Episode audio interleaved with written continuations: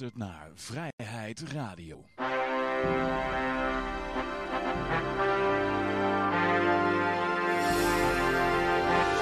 Ja, dames en heren, jongens en meisjes, dit is weer een nieuwe aflevering van Vrijheid Radio. Leuk dat je luistert. We zitten hier gezellig in Café Libertaria met op dit moment de usual suspects.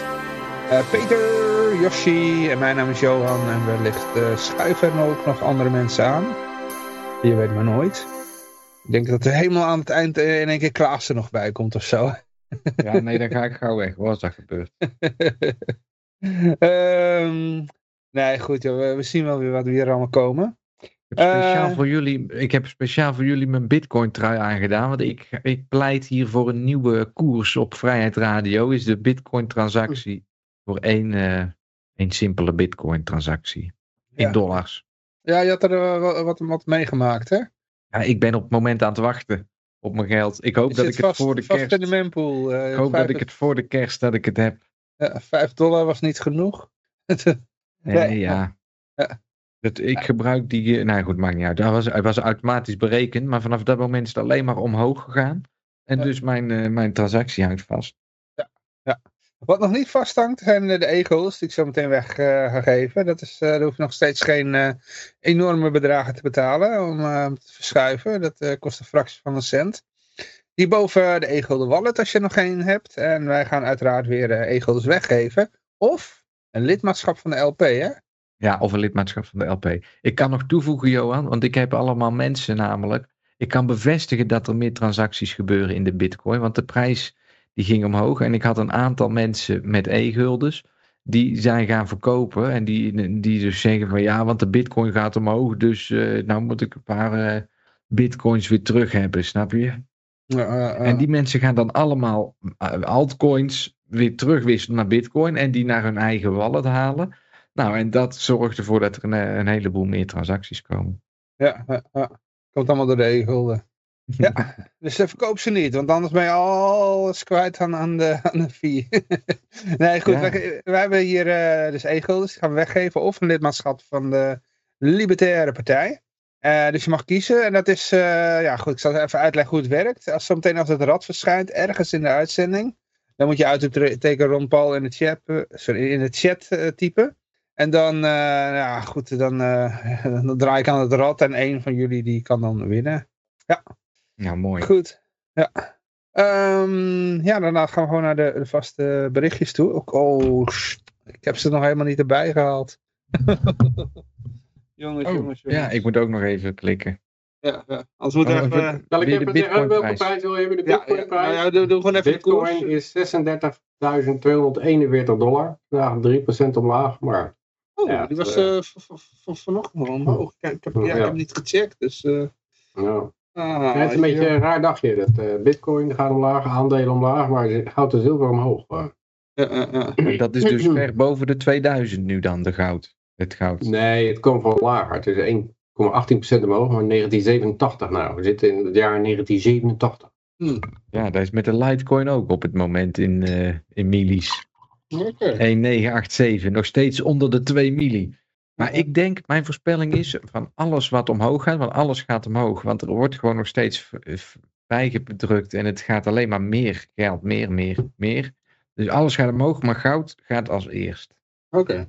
Ja, het schijnt dat de wereldwijde liquidity toch toeneemt. Hè? Dus de liquiditeit, ondanks dat de Fed wel wat aan het inbinden is. Dat, eh, dat het aggregaat van de hele wereldwijd, dat het toch weer eh ge, geprint mensen, wordt. Mensen die gaan die schuld aan en een deel van die mensen gaan failliet. En die betalen dat nooit terug. En eh, dan gaan- ze met een volgende ronde, als er weer nieuw geld komt, dan, dan zijn ze door dat faillissement heen. Dan gaan ze weer nieuwe financiering aan en dan geven ze dat geld weer uit. En dat geld Hmm. blijft in circulatie. Dat- Het is niet zo dat het daarna weg is, snap je? Dus ja, op die manier wordt het alleen maar meer, een grotere hoeveelheid. En er komt ook wel, tuurlijk, er wordt belastingheffing gedaan en je moet dan die schuld weer terugbetalen. En je zit dus in een eindeloze spiraal die je nooit te boven kan komen. Maar zolang dat iedereen maar gewoon door blijft gaan, ja, worden gewoon de bedragen alleen maar hoger. Het was nou, ehm, wat was het ook alweer? Daarom, misschien is dat wel de reden dat al die mensen het, eh, al, al die boycotts gaan doen, want ze kunnen toch niet meer betalen. Dus dan zeggen ze, nee, we boycotten het. Maar ze kunnen helemaal geen Starbucks koffie meer betalen, want het kost inmiddels 15 euro voor een, eh, Espresso. Maar het lukte ook middel laatst eh, niet zo goed om eh, staatsobligaties te, nieuwe schulden aan te gaan voor de Amerikaanse overheid. Hè. Die hebben ook een downgrade gehad, daar komen we Ja. straks nog op. Maar, eh, Maar dat was al in het voorjaar, toch? Dat was al rond mei of zo. ja, maar nou, deze, down, deze nieuwe downgrade van Moody's, die was, of Outlook heet het dan, die was vorige week wel. Hè. Oh, Maar ze, Daar gaan we het zo over hebben. En, oh, daar hebben we het lukte, zo het lukte ook moeilijk om, de, om die schuld. Normaal proberen ze een hoeveelheid schuld te verkopen. En ja, het kost wat kost, wat de rente ook is. En dan zijn er, eh, dat laatste stukje, daar waren al geen kopers voor. Dan moest die rente heel erg omhoog. Dus toen, toen eh, ja, dat, dat laatste stukje werd tegen hele slechte prijzen verkocht. En dat is meestal een slecht teken dat, het, ja, dat er niet zoveel eh, smaak naar is, naar die nieuwe schuld. Maar eigenlijk is dat ook weer een soort vorm van inflatie. Alles wat ze lenen, en ze lenen de rente ook, en ze betalen het nooit terug. Dat is gewoon nieuw geld wat, er, eh, wat erbij komt. Eh, Alleen op, bij de veronderstelling, als, het, als je het ooit zou moeten gaan terugbetalen, dan is het, eh, is het deflatoir. Maar als je dat nooit gaat doen, dan, eh, dan is het inflatoir. En voorlopig neemt die staatsschuld alleen maar toe natuurlijk. En inderdaad, het kan ook een keer wel terugbetaald worden. Maar op het moment dat je dat doet, hou je dus geen geld over. Want er is altijd Nee. rente overgeheven. Ja, Dus Altijd tekort, ja. Ja. Dus dat flikkert het zo hard in elkaar. Maar ja, de vraag is dan wanneer ze dat gaan doen. Waarschijnlijk tijdens Trump's pre- presidentschap of zo. eh. Als Thierry Ik- Baudet ik en zou je Trump vertellen- aan de macht zijn. er komt, er komt een door de overheid, met een overheidsmandaat, komt er een, een coin uit. En die coin, die krijgt iedereen gewoon, dat is je basisinkomen. Elk uur krijg jij één munt. En daar gaat ieder uur 0,0002 vanaf. Nou, en na, na 20 jaar ben je al je geld kwijt als je het niet uitgeeft. En eh, hier is je nieuwe, hier is je CBDC. maar Ja, eh, goed. De, BlackRock vraag is dus, een wie eh, geeft... ETF ehm, ingediend, hè, aanvraag voor een ETF voor Ethereum. Ja, en Solana. ETF, ETH. En Solana ja, ook. Solana? Ja. Oeh. Al die Solana's die hangen in FTX, hè? Die zijn allemaal, dus die heeft iets van 10% van al die uitstaande Solana. Ja. En daar, daar komt een shitload aan, aan rente overheen, volgens mij. Dat weet ik niet zeker, maar volgens mij is proof of stake dat je echt gigantische... Dus ja, als je dus zulke nieuwsberichten volgt, dan ben je financiële zelfmoord aan het plegen. Maar dat is een beetje hetzelfde als eh, neem, je, neem je volgende booster. Want, maar goed. Maar ondertussen zal ik even de olie doen. Die is eh 72,82. Ja. En dan hebben we natuurlijk de LP-agenda. Want eh, ja, daar gaat natuurlijk weer geborreld worden. Eh, LP Flevoland. Die heeft een borrel op eh 17 november. Dat is morgen denk ik hè. Eh, dan hebben we ook nog de mm, uitslagenavond in Barlows, Den Haag. Eh, ja, dat is op... ehm, dat is op 22 november uiteraard, van eh 6 tot middernacht. En dan hebben we de LP-borrel in Brabant, dat is op eh, 24 november. En er wordt ook nog geborreld in Noord-Holland, dat is op 30 november. En dan hebben we natuurlijk de borrel in, het heet hier dan een meetup, in Amersfoort. En dat is op 1 december. Ja, dus eh, beste mensen, ja. Nou, dus doe ik nog even Zuid-Holland erbij. Eh, dus in de kieskring eh, Rotterdam notabene. Eh daar, hebben ze, daar hebben ze op 2 november, sorry 2 december een borreltje. Ja, dus wees erbij. Ja. Ehm, goed, oh ja, hebben we nog de DXY. Zal ik ook nog even erbij pakken. Eh hoppakee. Die is op, staat op 104.34. Die was eventjes naar beneden gegaan. Vandaar dat misschien vanochtend of gisteravond al de bitcoin omhoog vloog. Maar nu is de DXY weer omhoog gegaan. Staat op 104. Ja, oké. Ehm, dan gaan we naar de berichten toe. Oh, die moet ik nog Oh, even sorry, daar ben ik. Ja, daar ben ik. Ben jij dat? Ja, dat was ik. Ik was even onder het bericht van de LP, het laatste bericht van de LP op Facebook, schrijf ik even. Binnen nu, tussen nu en 10 uur geven we een jaar lidmaatschap van de LP weg. Oké, ja, het is prima. Ehm, ja, we hebben dat bericht over Moody's. Eh, Zullen zullen we dat daar eerst maar doen? Want ja, dat had je toch al genoemd. Dus, ehm, Ja, en ik ben er ook nog wel dan dieper benieuwd naar, want ik had het van, eh, heel even, sorry dat ik het nog in, dat, ik dat we het nog niet hebben voorgelezen. Maar ik dacht dat het dus van het voorjaar al gebeurd was. En ik vraag me dan af of het tussendoor ook nog gecorrigeerd is weer terug naar boven. En dat dit nou de tweede keer is dat dezelfde beweging gemaakt wordt in één jaar. Dus ik moet even... Hallo, hey, Jan er. Hey. Hey, hallo. Die we daar hebben. Ik hoor hem nog niet. Ja, ik hoorde hem net, ja. Hallo. Ik hoorde net hallo. Ja. Dan moet je Mark ook nog even in de tv zetten dan. Maar het nieuws lezen kan ik wel voorlezen. Dit bericht aan ratingsfirm Moody's lowered its assessment of US credit outlook from stable to negative Friday, underscoring America's worsening fiscal standing and the implication of political dysfunction. Oké, even But het Nederlands. Moody, Moody's kept US uh, at AAA. Dus ze, ze houden de AAA rating, maar ze zeggen de outlook is ne- negatief. Het vooruitzicht is negatief. Maar ja, de- wat we weten van die credit agencies, dat die tot het laatste moment blijven ze allemaal zeggen, ja, geweldig, en dan, eh oh, failliet. dus uh, ja, het zegt niet zo heel veel, maar... Uh, uh, This comes after Fitch, another ratings firm, downgraded the US credit rating from AAA to AA plus in August. Dat is waarschijnlijk waar jij het over had, uh, Yoshi. Ja, oh, was het augustus. Dus dat was toch iets later nog in het Ja, jaar. dus Fitch. oké, Ja, hoor. klopt. Ja, ja Fitch, dat was in augustus. En nou hebben zij dus ook... Outlook negatief. Ze vooruitzicht, negatieve vooruitzicht. Ik voorspel je dit, het gaat sneller dan je denkt. Want je wacht er al tien jaar op. En Ja. dan word je ineens wakker en is het dan voorbij. Zo, hoe ging je failliet? Eerst langzaam, toen plotseling. En dan is het gewoon in één keer hop. Ja, ja. Ja, Mark, we horen je af, je af en toe zuchten. Nee, nou, nou zie ik je mond bewegen, maar ik hoor hem niet. Oh, dan is hij... eh, Oh, ik zie Oh, hem jee. zuchten. Zuchten naar zijn instellingen kijkend. Welkom in de wonderenwereld van Skype. Volgens mij hoort hij ons wel, hè? Je- Ja, dat wel. Ja. Waar je die- instellingen plotseling kunnen veranderen. Die Jan Mark die staat op een speciale lijst van Bill Gates volgens mij. Met zijn wappie groepen allemaal. Ik zal even Fulong even eh, inlichten dat je er bent. Dat is je grootste fan. Die, eh, moet dit wonderbaarlijke moment natuurlijk wel even eh, meemaken. Maar even, nog, kun je nog even in normale mensentaal zeggen wat je allemaal net zei, Peter? Nou, Dat is dus een credit rating agency. Dat, is een, dat zijn bedrijven die zeggen van hoe betrouwbaar is een partij die schuld aangaat. En Mhm. als zo'n credit rating agency zegt, nou, eh, ehm, Intel die kan wel binnenkort zijn schuld niet meer terugbetalen. En daar hebben ze lettertjes voor. En drie Mhm. keer A is dan heel, heel betrouwbaar. Dan krijg je bijna zeker krijg je terug. En, eh, en tot en met eh, junk gaat het dan aan de onderkant.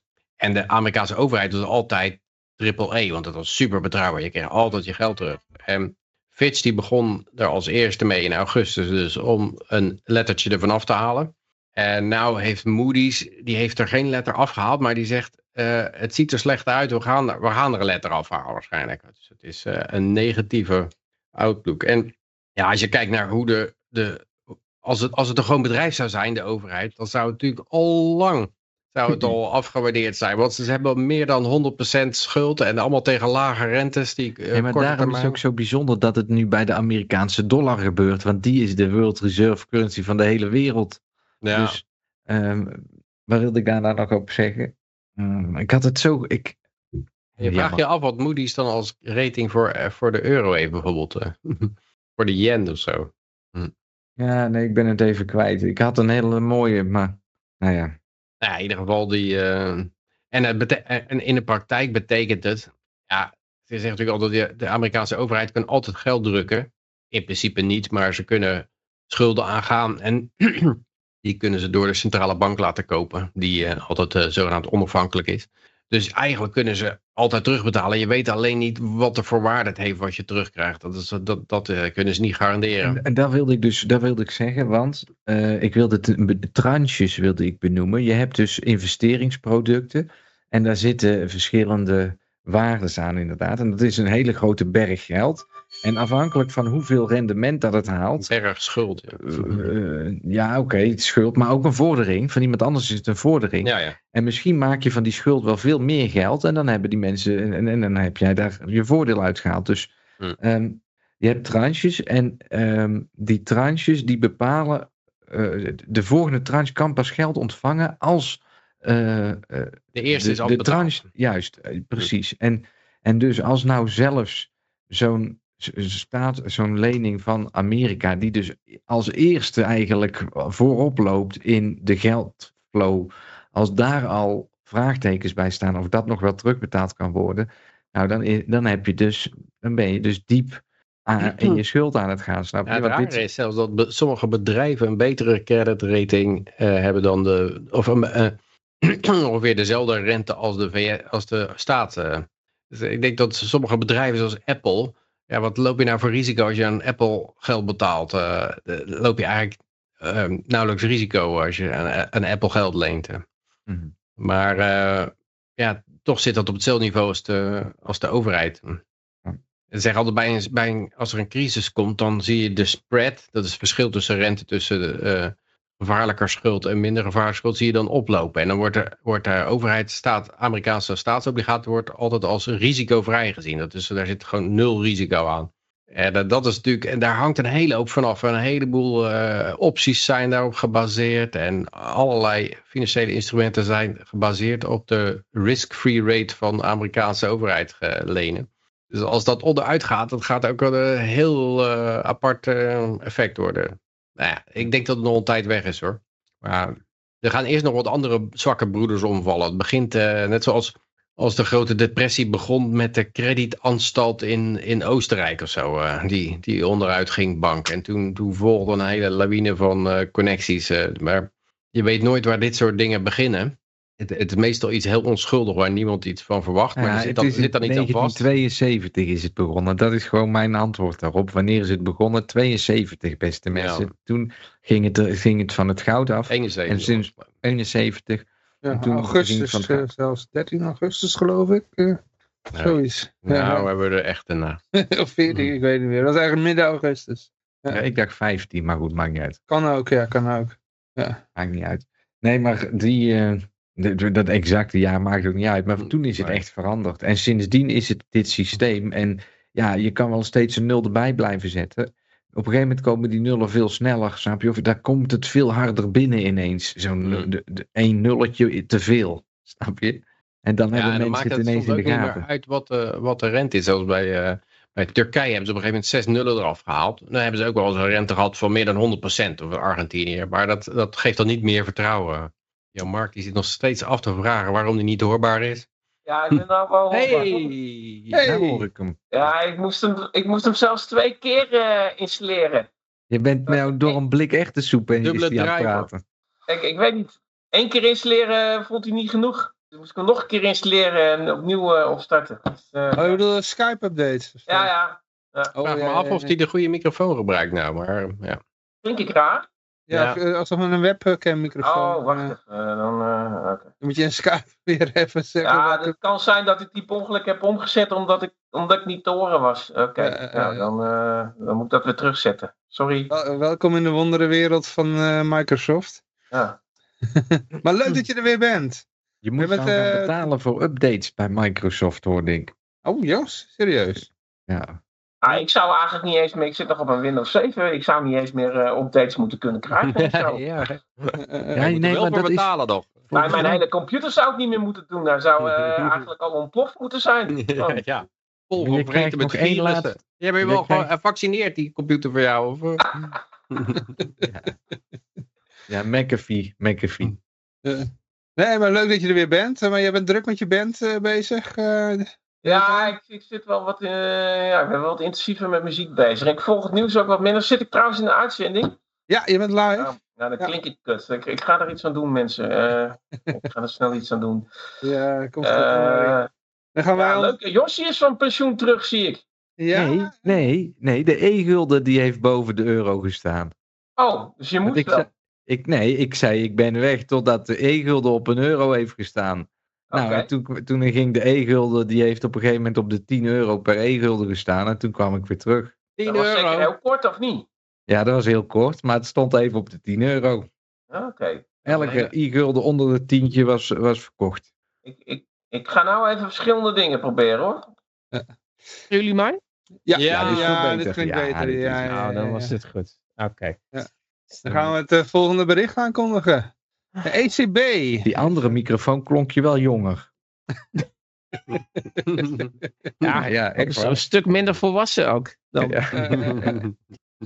Uh, de ECB, uh, ik even kijken in Engels, sorry, uh, ECB uh, finally admits uh, its uh, temporary asset purchases are really Eh, Permanent. perma- permanent, ja.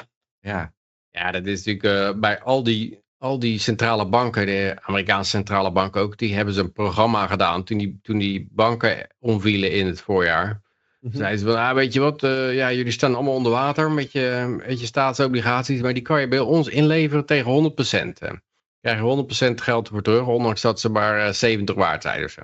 Eh, maar dat is maar tijdelijk, want over een jaar dan moet je het weer teruggeven. En dan, eh, ja, dan moet je je geld ook weer teruggeven. Het is, het is maar een, eh, een stopgap. Zeg. Het is niet zo dat wij jullie rommel allemaal opkopen, want eh, nee, zo zijn wij niet. Hè. En nou is hier bij de ECB dus dat, eh, ja, nou ja, dat tijdelijke, ja, dat gaat waarschijnlijk permanent worden. Ja, dit is het aloude verhaal van tijdelijk bij de overheid. Het is niks zo permanent als een tijdelijke maatregel van de overheid. Eh, eh, eh.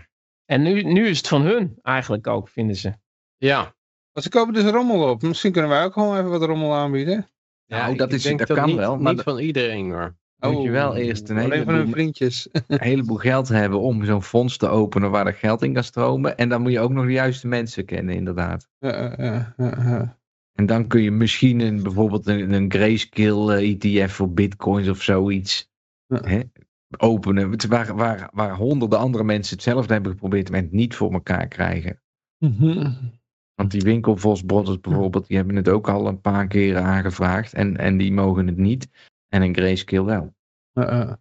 Nee, het is maar eh, wie je om weet om te kopen inderdaad, ja.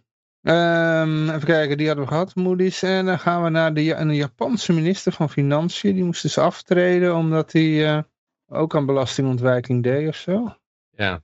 Ja, nou, waar moet je dan aftreden? Ze doen het toch allemaal? Nee, maar dat is dus de politiek. Wie gooi je voor de bus, weet je wel? Ze zitten Ja, daar ja. allemaal in angst. Anders Ja. dan gaat eh, zo'n. hoe- Wat, ze- ja, ja. Maar, het eh, hele waarom idee is van, het hele bos, idee eh, van belasting ontwijken door een, eh, een overheidsmedewerker is natuurlijk al onzin, omdat ze betaald worden vanuit belasting. Ja. Maar ja, er- je kan zeggen, er, er, er wordt zo'n kadoekie spelletje gedaan van, eh, ik weet nog dat mijn vader dat zei, dan zei ik, waar, waar komt dat geld vandaan wat jij verdient dan? Ja, dat komt van de belastingbetaler. Ja, maar wie betaalt dan die belasting? Eh, ja, eh, dat betaal ik. dus toen dacht ik, had ik zo'n perpetuum mobile gevoel bij. Van wacht even, Ja. hoe kan je nou je eigen salaris betalen in belasting? hè? maar ja, dat is natuurlijk bij, die, bij dit soort Nou, lui ook dat, zo. dat vind ik ook wel grappig, want ik had een keer een leraar aan de lijn. En eh, mijn zoon die werd van school afgestuurd omdat hij een snotneus had. En toen, eh, en ik zei van nou, wat, eh, en, daar- en betaal ik nou belasting voor, zei ik. En toen, toen zei die leraar, ja, maar ik, betaal, ook belasting. Ik zei netto niet. nee, ik bedoel, dat moet je maar- kinderen dan Maar dat is lesgeven, zo een iemand. leraar, hè? Ja. Een leraar is dat. ja. Misschien was het zelfs een leraar economie. Dat sluit ik toch niet uit. Ja. Een leraar economie was. Ik hou hier de hele zaak overeind met mijn belastingafdracht. Ja. Let even niet op wat ik binnenkrijg. Ja. Maar waarom zou die voor de bus gegooid zijn? Eh, staat er ook nog bij? Wat die, eh, zijn Nou, ik weet had? niet of ze allemaal, of dat dit soort lui allemaal, eh, ja, Hij had Klaus Schwab nagedaan in een eh karaokebar. En nou wordt hij eruit gewimpt. eh, zoiets zal het. Hij zei, in I became busy hebben- with national political affairs and the weight of my tax accountant work decreased. Canada said in a parliamentary session. Demand letters and other matters were left to the staff and the tax accountant's office. I was too busy to get involved. Dus het, hij gooit ook weer anderen onder de bus. eh, eh, eh. Zo'n lawine, de Japanse lawine van financiën. ja. Maar in Japan, hebben heel veel ze, mensen heen rijdt. In Japan hebben ze nog niet een eiland waar ze minderjarige prostituees eh, neuken. Ze, ze moeten dit nog op zo'n manier oplossen. Ze hebben wel heel veel van die kleine eilandjes hoor. Ja. Ik weet het niet. Maar er staat allemaal één vlag op en dat is het. Ja, dit was wel Ja, maar- laatst in, eh, in, de- in Washington DC een grote eh, ring ontdekt met allemaal, eh, die allemaal prostitutiediensten leverden voor politici en, eh, en aanverwante lui in eh, rond DC. Kon je ook pizza's bestellen of niet? ja, dat is inderdaad. Maar die, die, die Kennedy Jr., die, die, die was nou ook beschuldigd dat hij naar, dat, eh, naar Lolita Island was gegaan. Ja, hebben ze, hebben ze wat? Ja, Ja, dat klopt. Ja, daar heb ik ook iets van meegekregen. Ja. Maar ja, goed. Ja. Eh, ik volg hem niet zo. Dus ik weet het niet. Maar ik hoorde dat hij behoorlijk wild was. eh, behoorlijk eh, gekleurd was in de, in de Israël eh, gebeuren. Ja, Dus- ja, ja. Dus heb ik ook alleen maar gehoord, want ik heb het hem niet horen zeggen, weet je wel. Dus wat moet ik erover zeggen?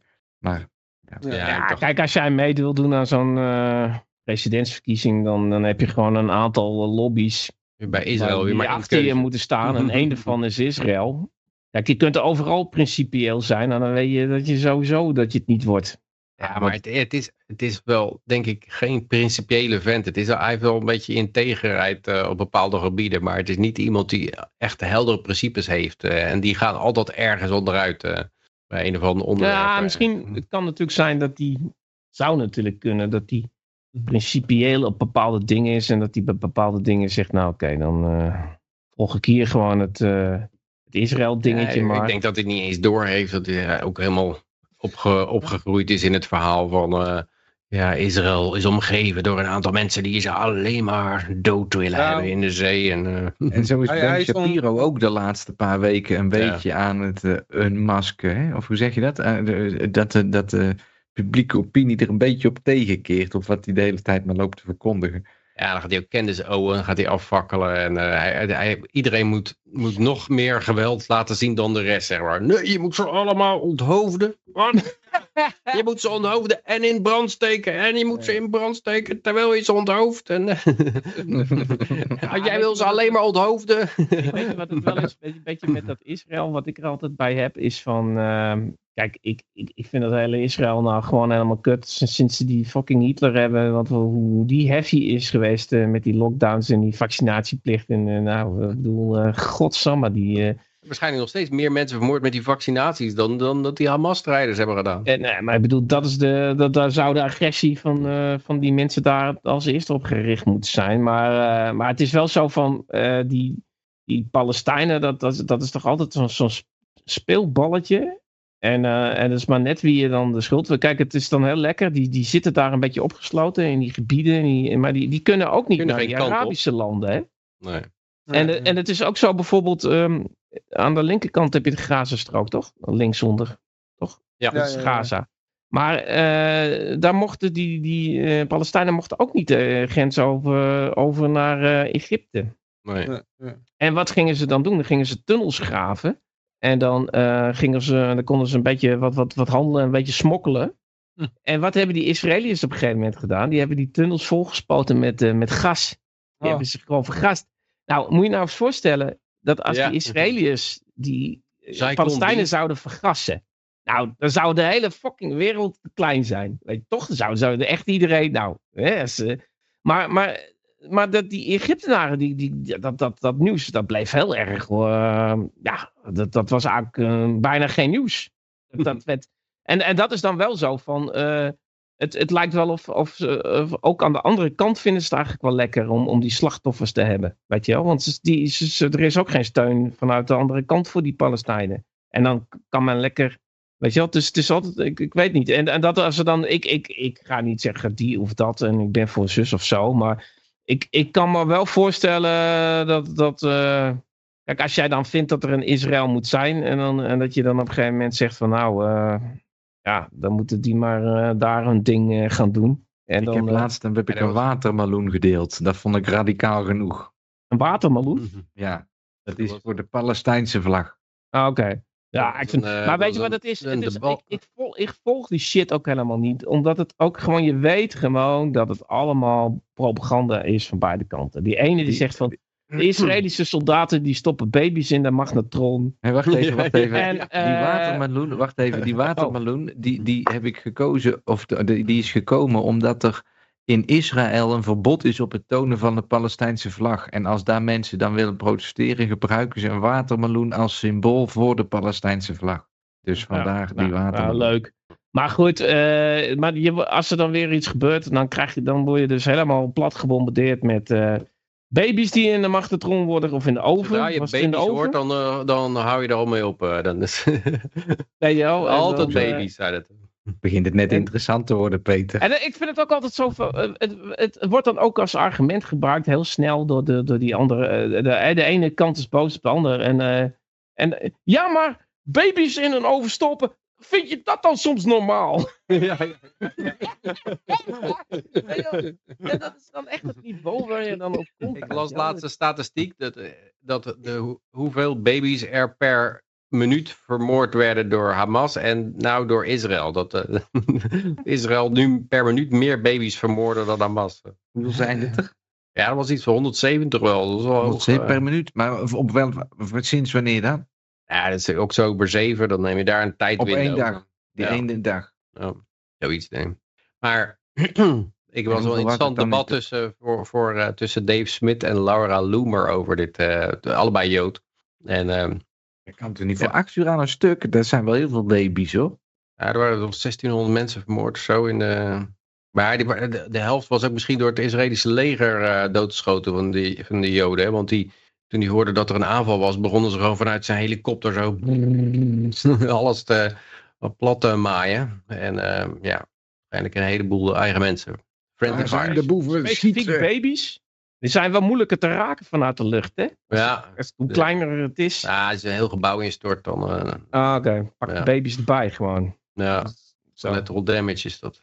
Ja.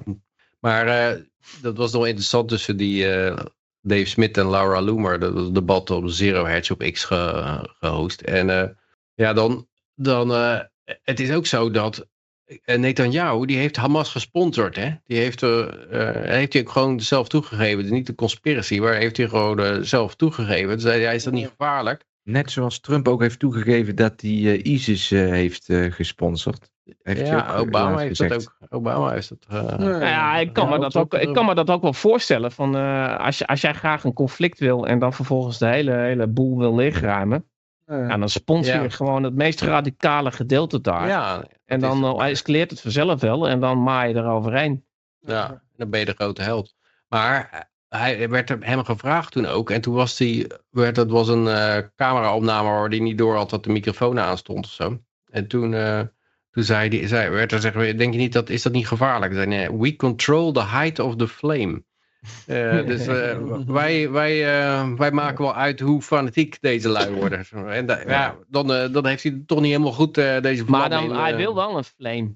hij wil wel een flame, maar een klein vlammetje, zeg maar. maar Ja, dat- ja, is, dit dan, is dat dan het kleine vlammetje dat hij wilde hebben? Of? Ja, dat Ja, maar ik denk dat dit, dat ik al iedere week bijna al zeg, dat dit gewoon echt de bedoeling was, wat op oh, eh, 7 oktober eh, gebeurde. Dat was gewoon de bedoeling, want dan heeft hij een excuus om, het is net als met, met de Twin Towers. Weet je wel, dan hebben, had Amerika een reden om eh, Irak binnen te vallen, die trouwens helemaal niks mee te maken had. Maar eh, denk, dit, dit is ook gewoon, eh, moet gewoon gebeuren zodat ze uiteindelijk Iran kunnen binnenvallen, ja. En Netanyahu heeft op zich ook al vaker laten zien in het verleden dat Ja. zeker rond verkiezingen, als het even niet zo goed ging met zijn positie, dat hij dan ook, ja, dat er toevallig ergens oorlog ontstond en dat dat dan ook weer goed uitkwam met, uh, Ja, ja. In, in de verkiezingsresultaten. Dus dat is echt dan een daar, heel daar oud wel trucje. voor twijfel moet hij daar krijgen. Eh, eh, eh. En hij heeft trouwens al vijf, al vijf keer al uh, Gazastrook al gebombardeerd hè, in de afgelopen paar jaren. Dus, uh, dus niet de eerste keer, dus de zoveelste keer dat er daar gebombardeerd wordt. Dus uh, ja. ja. Sinds dat ik kind ben kan ik me ja, niet anders herinneren als wel dat er af en toe een bom afgaat. Ja, het was nou ook dat was wel heel vaak nou. Hè. Het was echt, uh, ze zijn het helemaal aan het rubbelizen nou geloof ik. Ja, dan kunnen ze dat Suezkanaal eraan leggen. Wat vaker is gebeurd? Wat? Als het vaker is gebeurd, wat maakt het dan uit? Ja. Ja, is nou wel echt uh, carpetbombing geloof ik. Nou ja, ze zijn eigenlijk hun eigen bouwwerken, tenminste uh, Gaza, voordat dat uh, weer teruggegeven werd aan de Palestijnen, was het gewoon Israëlisch gebied. En Israël had er best wel een mooi gebied uh, van weten te maken ondertussen. En uh, dat zijn ze nu ook voor een deel aan kapot maken. Maar ook niet alles hoor. Er, zit wel, er zijn ook delen die niet kapot zijn gemaakt. Dus maar goed, het is gewoon kloten, vooral voor de mensen zelf. De mensen die ook toelaten dat die regering van Gaza, of dus Hamas, er was. En de mensen die toelaten dat Netanyahu er is. Die zijn weer het slachtoffer. Ja, maar ja, inderdaad. Maar toelaten, alsof je er wat over te zeggen hebt. Hè. Dat, dat, is natuurlijk. Uh, maar de vraag, ik, ik, laat het niet toe dat Rutte hier maar steeds premier is. Maar uh, ja, wat, wat kan je er tegen doen? De... Ja, beperkt. Beperkt. Maar ik denk dat ze dat stukje hebben gebombardeerd waar dat, uh, dat alternatieve Suezkanaal moest komen. ja, ze hebben nou het noorden van Gaza hebben ze gedaan. Ja, dan loopt hij zo, zeg maar. Niet precies op de grens, Ja, maar nou ja, goed, eh, ik schrijf elke keer weer een nette brief eh, naar eh, Poetin en dan weer naar Hamas. En dan weer naar Israël eh, willen jullie alsjeblieft het binnenhof bombarderen in plaats van laten. Maar dat, eh, Ze menen nooit terug, hè? ik, ja, Misschien moet je wat wit poeder bij doen. Maar die worden Ah, sinds dat augustus nou onderschept door de EU. eh ja, Mark, die komen er niet doorheen. want daarom moet ook het internet allemaal afgetapt worden. Dat Ja. was toch ook een nieuwe wet of zo, die, die er nou doorheen Ja, komt of Deze, zo? oh nee, dat is weer een andere wet. Nou, al mijn nette brieven worden dan onderschept inderdaad. Ja, voordat je ze hebt gestuurd, dan krijg je een bedankbericht op je computer van hey, bedankt voor het eh, maken van de mail. We hebben hem alvast ingeleverd. Ja, groetjes AIVD. Ja. Eh, ja, nou ja, zaak. Ja, ik, kreeg, wel- ik kreeg inderdaad toen ik, eh, ik heb ooit eh, geprobeerd ivermectine te, te bestellen. Dat Oh. werd dan netjes opgestuurd, maar jaar? dat werd ook In onder... welk jaar? ja, ik weet niet meer. En eh, toen eh, dan krijg je zo'n briefje terug van... eh, ja, u heeft wel besteld wat eh, illegaal is en eh, we hebben het in beslag genomen en eh, niet meer doen. Nog een keer Had je geprobeerd, er al weer onderschept. Had je er al voor betaald dan? Ja, maar als je dus die, als je dat, die, die maatschappij zei van hey, het is in beslag genomen, jullie, komt er niet door. Dan zeggen oh, we zullen het nog een keer opsturen. Dat werd ook Hey, onderschept. Tot drie keer toe. Ik zou je wel vertellen, als ik hier in Servië een schilderij wil versturen aan iemand, dan moet ik naar een kantoor, dat is 150 kilometer verderop, dan moet ik al de naam van de koper opgeven bij dat kantoor. En dan mag ik, als dat goedgekeurd wordt, dat schilderij, het uitvoeren. En anders ga ik naar het postkantoor en nemen ze mijn pakketje gewoon niet aan. Zeggen ze nee, daar kunnen we niet aan beginnen. En dat is Dus, nog jij- veel, dus eh, alle, alle pakjestransport wordt helemaal gecontroleerd. hè? alles. Ja. En als je iets bestelt in het buitenland, krijg je een btw-aanslag bovenop. En dan schatten ze het bedrag als er geen bonnetje bij zit. Hmm. En wil jij, het, wil jij, erin, wil jij dus eh daar tegenin gaan, dan moet je weer naar een bepaald bureautje. Maar dat is, er is één bureau en dan moet je daar naartoe. Een heleboel klachten. Ja. Ja, ik wist niet dat dat, ik dacht een beetje Servië of vrijheid, blijheid, maar... eh, Nee, want dat heeft niet- allemaal onder de sancties, heeft het allemaal onder de sancties gezeten. En dat willen ze weer een beetje goed doen. En dan doen ze op dat manier, zeggen ze, kijk eens wat voor, er worden geen wapens uitgevoerd uit het eh, land waar eh, Hmm. de, de dingen? Dus ja, ja.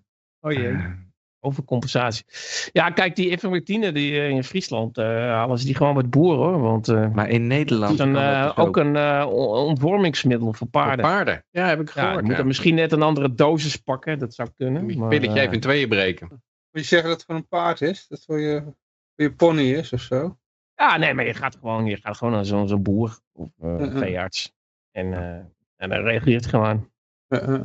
Zo zat ik dus in een chat. Zo zat ik voordeel van Friesland. Zo zat ik in een chat en die heet Betaal Contant. En daar zat iemand te vertellen, ja, want die zorgverzekering moet je allemaal niet betalen, want eh, bla bla bla. Je moet het gewoon op de bank eh, zetten en het oppotten. En er eh, zelf, en, en wat zei hij nou? Wacht even, want zoiets was het. En toen zei ik, maar waarom zet je het dan op een bankrekening? Koop er dan tenminste nog goud van. En toen zei ze, nee, want dan kan ik niet mee naar de tandarts. Ik, Als je nou niet bij de tandarts kan gebruiken, is het goud. Ik, zeg, ik wou net zeggen, ik zeg, nou, dan zou ik als ik jou was ook een andere tandarts zoeken. Daar kan je toch ook voor kiezen? Wat loop je nou te zeiken? Ik kan geen tandarts vinden die goud accepteert. Wat leef je dan in? In wat voor wereld leef je dan? Ik denk ook, nee, mijn tandarts accepteert geen goud, dus daar heb ik niks aan. Weet je wel, wat de fuck, denk ik dan echt van, oh. Eh, eh. maar goed, eh, we hebben nog een bericht hier. Oh. Ehm, Pats verklaarde zich autonoom, maar er werd eh, wel zijn huis uitgezet. Ja. En zijn Ja, partner de- eh, en kind ook. Oh, ja, en eh, is pijnlijk, zegt hij. Ja, nou, ik zie daar ook over dit soort... Oh, Peter, jij was begonnen, denk ik. nou ja, de voortdurende campagne tegen autonomen. Er komen er maar steeds van die autonome eh, gaan door het toilet eh, heen eh, artikelen.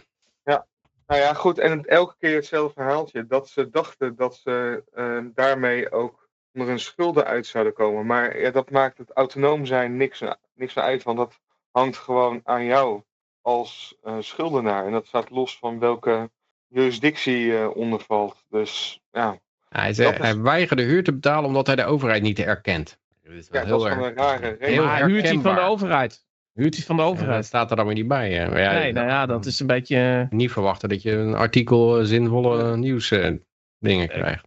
Ja, maar dat Ja. is wel dus de hele tijd het herhaalde, zich herhalende patroon van dat je dacht onder betalingsverplichtingen uit te komen.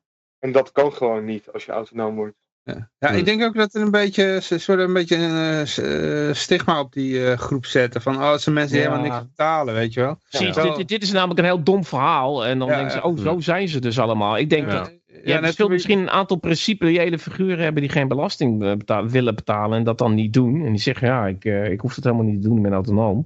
En, maar die, die zijn misschien, hebben die wel een heel zinnig verhaal. Die, die moet je niet hebben. Je moet natuurlijk eh, zo- zo'n mafcase hebben die geen enkele rekening meer betaalt. En die moet als symbool staan voor al die lui, denk ik. een beetje denken aan New Kids, weet je wel. Nu betaal ik helemaal niks meer, weet je wel. Je die eh, New Kids? Ja, maar goed. De, bij Pointer eh, op Facebook gaan eh, dus al die mensen die eh, niet doorhebben dat ze voor de gek worden gehouden. Die gaan daar dus gewoon honderden berichten over elkaar uitwisselen over hoe gek die mensen zijn. Dus eh, dat is wel, ik vind het uiterst vermakelijk om eh, dat te zien.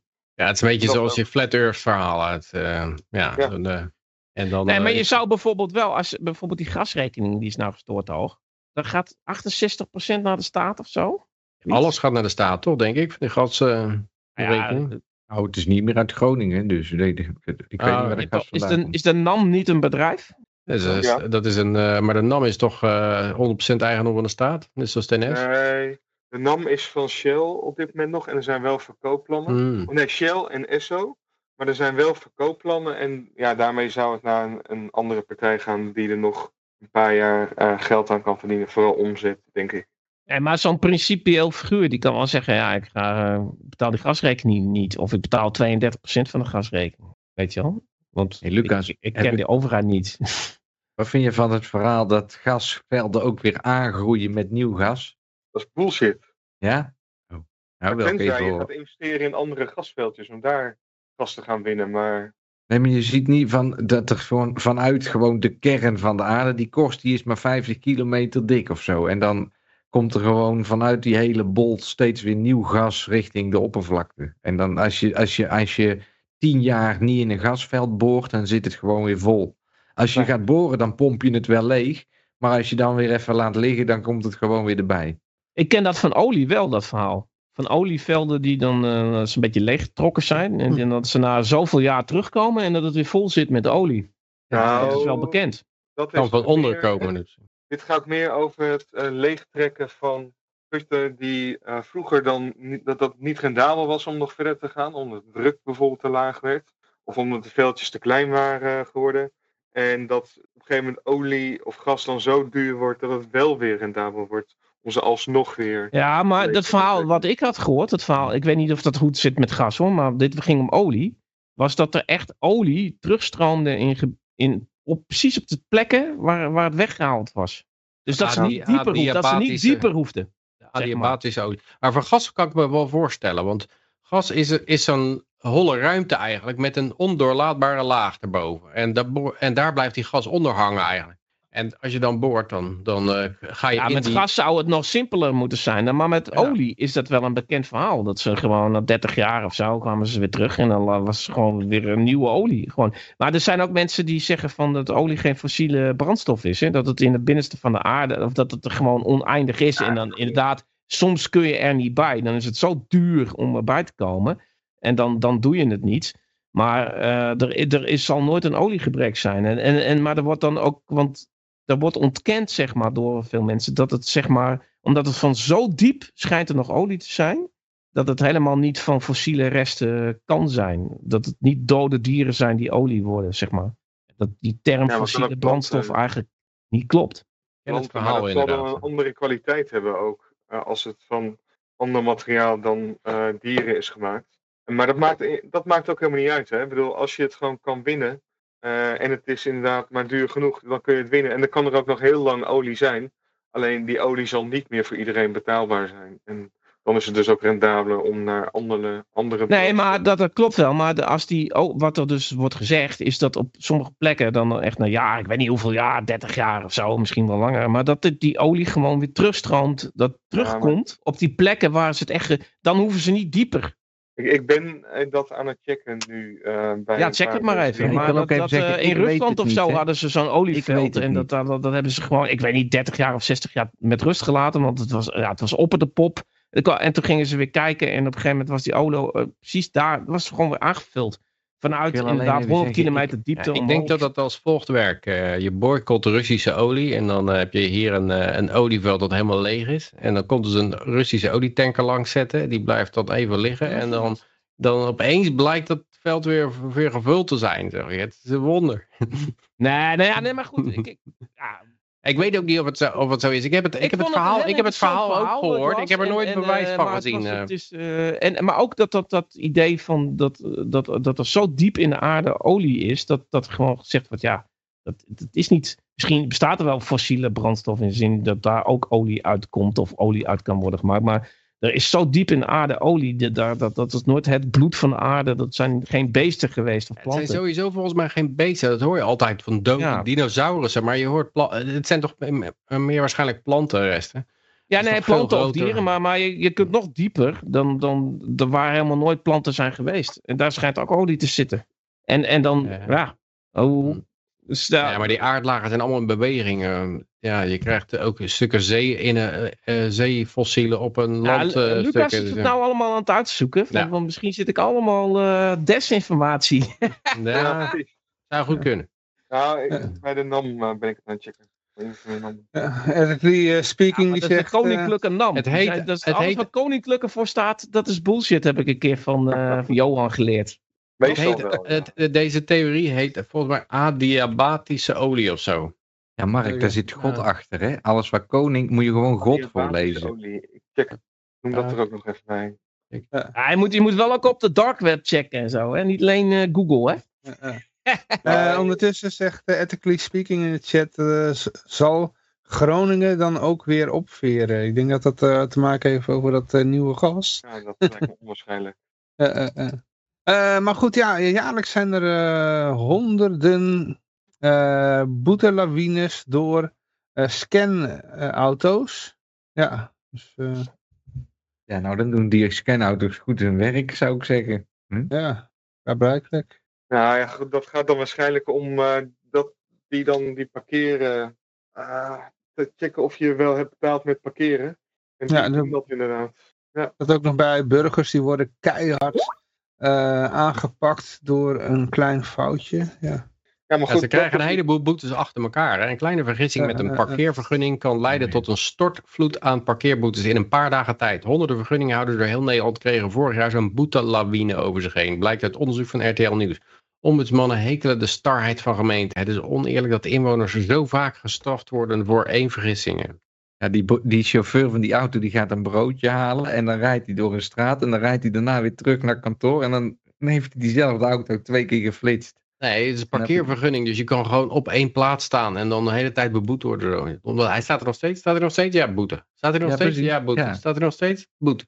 En dan rijdt Oh, je bedoelt die scanauto, die rijdt de hele tijd heen en weer tussen. Die, Ja, die krijgt natuurlijk zo'n kaching eh, te- geluid, krijgt hij als, als ze, dat, dat is een goede straat, zeggen ze dan. Laten we daar nog een keer doorheen rijden, door die straat. eh ja hup, precies. weer kaching. Ja, ik heb het ook gehad met eh, snelheid. Dat ik het niet door had dat een snelheid verlaagd was. En die camera die daar stond was ook in snelheid verlaagd. Ja, goed, dat is gewoon kut als je na twee weken even een keer een bekeuring binnenkrijgt. Dus eh En dan, er nog een paar. Zo. Ja, die boetes niet, die eh, zijn ook verhoogd, maar ik, ik zat uh, laatst te kijken van eh, eh, als je door het rood reed, dan was dat 360 euro of zo. Maar als je voor groen bleef staan, was ook 270 euro. Dat is Ik goedkoper. dacht, Ja? godverdorie, ja, je, je motor zal afslaan en je staat voor groen. 270, boom! Ik, ik wist niet eens dat er Drie keer tanken. Kende jij Ah. die boete? Nee. Ik zag, ik zag wel dat links inhalen nu net zo streng bestraft wordt als rechts inhalen. Nee, tenminste, links Huh? rijden net zo stre- streng bestraft wordt als rechts inhalen. En dat is, vind ik wel oké. Maar dan moeten ze wel beide personen aanhouden en niet alleen degene die rechts inhaalt. Anders eh, krijgt de een komt ermee weg. Nee, ik vind het sowieso, eh, nou ja, al die boetes een beetje belachelijk. Ik heb gisteren, Maar- ik, Private weg zou het heel anders zijn van een private eigenaar. Eh, eh, eh. ik heb normaal gesproken mijn fiets altijd best wel goed eh, voor elkaar qua verlichting. En er was eh, in de nacht van dinsdag op woensdag had ik ook, tenminste, eh, toen brandde mijn licht van de fiets en die had ik uitgezet. Volgende ochtend ben ik naar mijn werk gegaan. Ik eh, woensdagavond terug naar huis bij het, eh, vanaf het station. En toen kreeg ik mijn licht niet aan op een of andere manier. Hmm. Ik weet niet waarom. Dus eh, alles geprobeerd. Nou, ik dacht, eh, vocht waarschijnlijk in de koplamp. Dus ik fiets zo naar huis. Staan ze dus te controleren of verlichting hebben een bekeuring gekregen. Hmm. Maar dan denk ik van ja, fuck man. Echt, ik doe serieus altijd mijn best om verlichting te laten branden. Eens één keer is het blijkbaar iets stuk. En hij deed vanavond wel weer toen ik thuis kwam op een andere fiets. Dan stond dat licht gewoon weer te branden eh, in de tuin.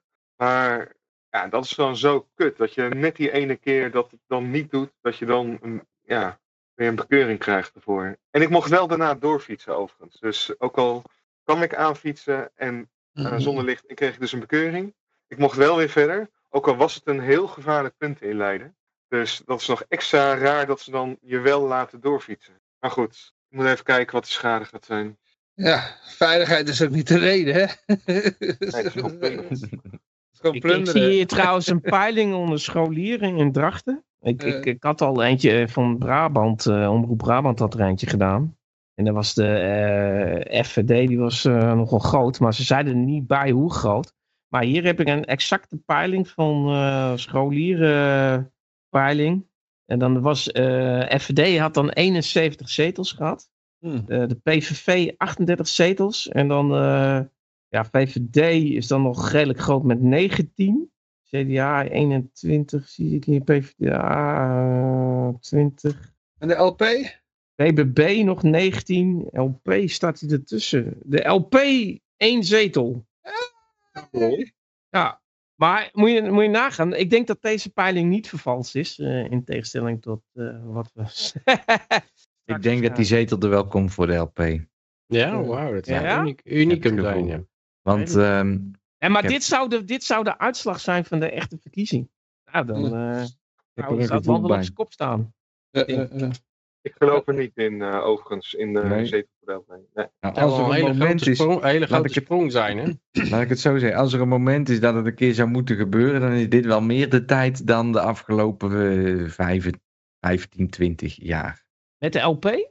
Ja, Nou, met- met, periode- met, die lockdowns zou je toch ook zeggen dat iedereen eh maar toen waren eh, mensen op daar nog helemaal in. stemmen? Nee, maar die waren daar toen nog helemaal in. Die waren nog helemaal onder de indruk van wat er allemaal aan de hand was. En die waren met een mondkapje bezig en komt er een spuitje. En nou vallen Ja, de maar mensen dood neer. Nee, nu, nu zegt iedereen van nou die tijd is geweest, die komt nooit meer terug. ja, de, En laten we het allemaal sommige. maar vergeten. Maar die ene zetel is het, hè? Eén zetel. Het is, zijn er geen 75, het is één zetel. Ja. Ja, maar in En- veel stemwijzers de, staat de LP helemaal niet genoemd. En Nee, dat nou is toch heel nee. belangrijk ook. Ik denk dat er ook gewoon een bepaalde mate van eh, eh, gedogen is voor die laatste zetel. Snap je? Er wordt gewoon gekeken van waar, hoe is het sentiment en waar willen we naartoe. En je, ze kunnen ook één zetel geven aan een ander eh, partijtje. Die zijn net zo goed. En dat is, maakt dan net het verschil voor een klein, ja, ik weet niet. Nou, Ik denk dat voor Soros de heeft toch ook zo'n stemwijzer eh, gesponsord? Dat- Soros, die had toch een stemwijzer gesponsord? De vorige keer van de verkiezingen, toen heb ik het allemaal, toen heb ik gezegd, dit gaat ze nooit lukken. Hè? Dus toen, eh, was ik, toen was ik er heel fel in dat dit het niet zou zijn met de LP. Dus ik weet niet of het, nu wel lukt. Ja, ja, we zullen het zien. Ik denk Maar, dat heel eh, veel mensen het er gewoon echt mm, nog niet, niet eens snap, niet eens het begin hebben van, van het begrijpen wat, wat libertarisme is. Jensen, Robert Jensen, die had de LP genoemd, hè? Oh echt? Ja, maar goed, Oké. dat, dat, is, dat is. Daar luisteren niet heel veel mensen naar. Nou. Zeker niet. Nee. Is dat zo? Volgens mij luisterde er... Oh, Ja, tijdens juist de- dat er best wel veel mensen daar naar eh Ik denk luisteren. ti- tijdens de COVID wel, maar misschien dat dat soort dingen toch wat moeilijk krijgen om eh, na de COVID eh Maar eh, zich te handhaven. Ik zeg wat hij allemaal gezegd had. Hij, had, eh, hij vulde dan eh, tijdens het programma live de stemwijzer in. Natuurlijk stond eh, Van Hagen bovenaan en daarna de, de Libertaire Partij. Ze zeiden nog achter de Libertaire Partij, nooit van gehoord. dus ja, dat was alles. hij zou, zou nog even checken, zoiets zei hij. ja. Mijn zoon die vulde hem ook in en de LP die kwam boven. Eh, eh, zei hij, Oh. wat een rare, wat een rare stemwijzer en, eh, en wat is de LP eigenlijk, zei hij tegen mij. Het wordt dat ook een stijging, er wordt de grootste stijging ooit hoor. Die eindigt op, eh, die eindigt op meer dan 75 op een gegeven moment. Ja. Ik zei, ik, zei de, ik zei de LP die wil jou met rust laten. Dat vind je toch altijd zo fijn dat iedereen jou met rust laat? Ja, dat vind ik wel fijn. Oké, nou, dat is de LP. Ja, het zou wel heel mooi zijn Maar ik zie ook de media en de publieke omroep RTL, tenminste niet dat ik dat heel vaak kijk, maar ik zie wel de fragmenten langskomen. Die zitten wel op, eh, al aan te sturen op een dramatisch verlies voor links, dan wel die, eh, hoe heet die kabouter ook weer, Frans Timmermans. En dat trucje hebben ze wel vaker uitgehaald, want dat moeten dan, eh, daarmee proberen ze het stemvee zo te beïnvloeden dat ze alsnog komen opdagen om in ieder geval links te gaan stemmen. Dus ik denk dat die Frans Timmermans eh, meer stemmen gaat krijgen dan we nu nog denken op basis van de peilingen. Nou, ze gaan ook, eh, geloof ik, stembussen in eh, verzorgingshuizen zetten. Want da- daar wonen nog mensen die tv kijken. En die stemmen sowieso een hele leven op PvdA of CDA. Weet je wel, dat soort dingen. Maar Ja. ik denk dat het allemaal niet meer zoveel uitmaakt voor ze. Of, of mensen, want ze hebben gewoon... eh, kijk, ze hebben nu omzicht voor mensen die... die eh, ja, dat is zo'n integere man. En ze hebben BBB. En eigenlijk is het allemaal hetzelfde. Ik bedoel, Timmermans of... En, en ook die regeringspartijen. Ze zijn allemaal eh, klimaat, klimaat. Ik word er ook een beetje depressief van. van, de, van, van die, van de, ik merk nou gewoon dat nu... Ik probeer te vermijden, televisie. eh, Maar elke reclame... Het maakt Ja. niet meer uit of het Duurzaam. een scheerapparaat gaat. Ja. Of oh, de klonje. Ja. Het is allemaal bent- klimaat, klimaat. En, eh, en, en, en de raarste koppelingen. Ja. Eh, u kunt een vega-burger eten bij McDonald's. Dat is goed voor het klimaat. Of, eh, Weet u als bedrijf dat uw waterbeleid het klimaat kan eh, redden? Zoiets hoorde ik laatst voorbij komen. Waterbeleid klimaat kan redden. Het is, ja, het, ze zijn het denk ik aan het overvoeren. Net zoals met COVID. Ze gaan er altijd te ver in, dit, dat soort dingen. Want ja, dan hebben ze natuurlijk een regeltje gemaakt. Dat je, dat je subsidie krijgt als, als je het vijf keer noemt. En dan gaan al die bedrijven zeggen, oké, nou, eh, gratis geld, hups. eh, die gaan dan allemaal eh, lopen blaten in hun, adverte- in hun advertenties. En in hun beleids, de, de medewerker, doelstelling, rapportage. Want je moet ook aantonen voor die ESG-doelstellingen, moet je ook aantonen wat jij gedaan hebt om dat in de publiciteit te brengen en dat daarvoor Ja. te... Nou, daar kan je dan allemaal zo laten zien. Oh, die controls zijn zo debiel soms. En dan zit ik dat zo te lezen en dan moet er, moet er dus voor wat voor worden verzonden hoe dat dan aangeleverd gaat worden. En dan denk ik echt van, waarom zijn we hiermee bezig? Welk doel dient dat? Hoe, hoe wordt het milieu hier überhaupt beter van? Ja, Maar maakt niet uit. Je krijgt gewoon voor betaald. En, en dat vervolgens ook de Big Four, zeg maar, daarmee Hm. kan verdienen door gaan checken of je wel goed hebt gerapporteerd op wat, Hm. waar je verslag over uitbrengt. Dat, daar ik denk- word ik nog het meest onpasselijk van. Ik denk dat ze hun eigen graf graven. Want als jij inderdaad, die bedrijven die gaan gewoon de meest onzinnige eh, dingen doen. Van een verf uw haar nou om de planeet te redden en het klimaat eh, te redden. En dan krijgen ze weer betaald.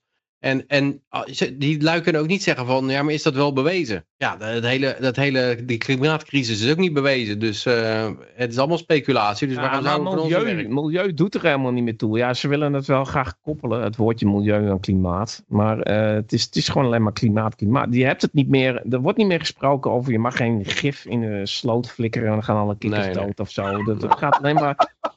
Het is alleen maar klimaat, klimaat. En het is allemaal zo erg met... Want de, de, en dan, dan heb je weer zo'n vent van Geert... Hoe heet die? De, de, hoe heet die? Geert van de D66. Hij is wel een psychopaat. Nou, Hm. maakt niet uit. En die... in ja, door de klimaatverandering krijgen we steeds nattere en drogere zomers. ja, ja. Weet je wel, het, het is ook, alles is een probleem. En het is ook tegelijk, hè. Het wordt, het, het wordt tegelijk wordt het droger en een natter. En, en, Ja. en, eh, Ja, ja. Maar er is een oplossing voor, dat is 1000 miljard eh, uitgeven. En dan krijgen we het 36 miljoenste graad minder warm. Het lijkt net Nou. alsof die mensen niet in de gaten hebben dat we steeds nauwkeuriger kunnen meten. Weet je? En dan is het zo nauwkeurig. Zeggen, oh, kijk eens hoe droog het nu is. Wow, nu is het veel droger dan net. Maar dat is met Hmm. alles zo. Hè? Ook dat doorberekenen van je partijprogramma door het, eh, eh, eh, wat is het, het eh, planbureau of zo. eh. Er wordt ook gezegd van ja, eh, de werkeloosheid pakt bij dit programma eh 0,4% lager uit in 2030 of zo. Eh, dat is natuurlijk totale onzin. Dat is net iets die 0,0036 graden. Niemand die dat kan voorspellen. Er zitten zoveel onzekere... Ja, eh, 36 punten miljoen, hè. 0,000036. Ja, dus we weten nog niet eens Dat was het resultaat van, van eh, miljarden uitgeven. 28 miljard euro. Er zou een winst van 36 miljoenste graad onmeetbaar iets eh, verschil maken. Nou ja, maar goed, maar, maar het punt is dat als je, als je dan niet op Timmermans stemt en niet op Jette en GroenLinks, maar je gaat bijvoorbeeld, eh, ze gaan allemaal op uh, en BBB en, en al die andere shit, dan wordt die duizend miljard, die wordt toch ook wel uitstemd, want, uitbesteed, want dat, ik geloof er niet in dat er echt zoveel verschillen zitten in die partij. Als je nou bijvoorbeeld kijkt ook die, die wet verplaatsing bevolking, daar heeft de BBB in meegestemd. Dus dan, dan kan gewoon een burgemeester zeggen van, eh, nou iedereen opgezoden niet het. Ja, Nou, je, je kunt je huis uit en, en je moet ook je huisraad achterlaten dan. En, en, en er, mag, eh, er mag gewoon ook iemand anders weer ingezet worden door de staat. Met jouw huisraad in jouw huis. En dat, dat staat in die wet. Zal eh, natuurlijk, dat wordt dan weer onder bepaalde omstandigheden. In ieder geval, ik dat heb doen ook ze even- pas, dat wetje halen ze pas weer van eh, stal over, over vijf jaar, denk ik, of zo. Oh, wacht, ja, we hebben een, eh, deze wet nog liggen, dus het mag. Dat, dat moet nou even wegzinken. Ja, maar nou het punt, is, het punt is dat het een, je hebt een demissionair kabinet en dat is dan, eh, eh, die moet alleen maar op de winkel passen. Dat is een soort superconcierge. Die mogen geen eh, extreme dingen meer doen. Hmm. Dus wat zij dan heel makkelijk kunnen doen, is van nou, we verklaren het controversieel. Want het is een dimensionair ka- kabinet. En we kunnen niet zulke extreme dingen gaan doen, dat we een wet doen, dat, dat je gewoon je huis uitgeflikkerd wordt. En, en, eh, of weet je wel, en dat, dat je huisraad achter moet laten. Dat gewoon eigenlijk je huis en je huisraad, Nee, eigenlijk alles kunnen- is gewoon van de staat geworden. En ze Nou, kunnen dat je... is best wel controversieel eigenlijk, hè? Daar zou best wel eerst even een verkiezing overheen mogen. hè? Heel normaal is dat. Ja, maar en, en dan in één keer stemt de PPP, die stemt daarvoor. Je Terwijl- moet voor ze koken ook, hè? Je moet voor die vluchtelingen die ze in je huis zetten koken ook. Je moet ze van eten voorzien. Als je nog mag blijven, wel. Ja, je wordt een dan- soort bediende in je eigen huis. Een soort, soort butler word je. Een huisneger word je. ja. Nee, maar, eh, ja, nee, maar dat, dat, daar stemmen ze dan gewoon niet mee. Terwijl, je zou zeggen, van waarom bestaat die BBB? Van, nou, eh, de, het bezit moet nog wel een beetje heilig zijn. Hè? Je kunt niet zomaar gewoon die, die boeren allemaal van hun land afjagen en zo. En dat, dat, dat, is allemaal niet goed. En dan stemmen ze mee- mee met zo'n wet. Dat is eigenlijk heel erg tegen hun ding in, zou ik zeggen. Want nu, nu kan iedereen, niet alleen een boer, iedereen kan gewoon... Jij denkt eh, dat de BBB niet helemaal oprecht is. Dat die niet helemaal goed zitten. Nee, dat denk ik ook. Maar daarom denk ik ook van als mensen niet op Timmermans gaan stemmen omdat ze hem te extreem vinden en ze gaan op omzicht of BBB stemmen, ja, dan maakt het geen reet uit. Ja, ik krijg nog steeds dezelfde shit. Ja. Ja, ik krijg nog steeds dezelfde shit. En, en met omzicht vind ik het nog knapper, want met die, die, die eh, zeg maar, die Annette Maherbe, die, hoe heet ze? Die Ja. uh, vet, die, eh, die, die heeft nog een leuke, gezellige ticket, zeggen ze altijd. Nou, prima. En die, eh, nou, dat, dat nog een beetje, dat, eh, die, die, die ja, neemt nog wel eens het woord boer in haar mond. Nou, en dan, eh, nou goed, dan heb je natuurlijk eh, mensen die dan op het CDA stemmen, die stemmen dan op een nieuw soort CDA. Nou, omzicht is eigenlijk ook een soort nieuw CDA. Ja, Maar goed, bij. Omzicht, die heeft eigenlijk nog een, een langer eh, eh, eh, kast met geraamtes achter zich dan die, eh, die gezellige dikkerd, hè? Want die Omzicht, die heeft nog gewoon met al die lockdowns meegestemd. Voor vaccinatieplicht voor eh, werknemers, dat mochten werkgevers eh, best wel doen. gewoon een uh, restpasje. En, en eh, de avondklok heeft hij lekker. Dus die heeft, die heeft echt. Die heeft een hele geschiedenis van alleen maar meestemmen met het kartel. En, en die komt nou met een of andere speech van. Ja, er wordt door politici veel naar modellen gekeken. Dat zag je tijdens de COVID-periode. Nou, het is dat hij het uit zijn bek krijgt, weet je wel. Het is Ja. Alles meegestemd. En nou gaat hij kritiek leveren op zijn eigen stemmen, eigenlijk. Hij is ook gewoon een toneelspeler hoor. Een En beetje, nee, maar ik, wil- maar dan, iedereen wordt elke keer gebruikt. Maar hoe kan je nou integer zijn als hij nou gewoon nu in één keer eh, verzet gaat plegen op 6 mei 1945 gaat hij in het hij is niet integer. Nee, hij is alle, je kunt alles van hem zeggen, maar integer dat is een woord. Wind je maar maar, zo wind je maar even op. Maar de me- me- mensen hebben die dan eh, zo, zo pro zich zijn, die, eh, die, die zeggen van ja, maar tijdens de toeslagenaffaire, dan zat hij, met dat, had hij het zo moeilijk, had hij een burn-out. Ik bedoel, niemand kon controleren of hij daadwerkelijk een burn-out eh, had, weet je wel. Precies, je hij er wel lekker... gebrainwashed voor de wet. Ja, ja. En, en wat heeft hij nou bij dat onderzoek gedaan? Een beetje zielig lopen doen. Oh, ik heb het zo zwaar, ik heb het zo moeilijk. Eh, ja, het is... Nee, het is... eh, ik snap helemaal niet dat, eh, dat mensen zo eh, pro zich zijn. Maar, Ja, maar ik vind het wel trouwens apart met die scholieren. Want dat in, in, zowel in Brabant als hier dus in... in Dra- maar het is ook niet een beetje. Ze zijn gewoon allemaal bedoel, FVD is bijna, die kan bijna alleen regeren. Zo populair zijn ze. Ja. Dus dan, dan, en dat is wel knap, want, want nou, ik denk dat die scholieren sowieso geen televisie kijken. Niemand, geen enkel Ja. van die leeftijd kijkt tv. Dus dat, die, Ja. die propaganda moet dan helemaal volledig via internet. Ja. En met elkaar, hè? onderling wordt er ook best wel veel over politiek gesproken. Gelukkig. Ja, Maar die kinderen zijn zo ontzettend getreiterd door de staat. Ik bedoel, ze mochten helemaal fucking niks. Eh, ik, ik ken kinderen die gewoon eh, eh, 97 euro boete hebben gekregen. omdat ze op straat aan het voetballen waren, weet je wel. Die mochten helemaal niks. Alles was fucking dicht. Ze mochten niet bij elkaar. Ze mochten niet zien. Ze mochten niet met, met zoveel in een auto. Ze mochten niet naar. eh, de speeltuinen waren dicht. De sportvelden waren dicht. Maar helemaal zijn dus, zo zwaar geterroriseerd.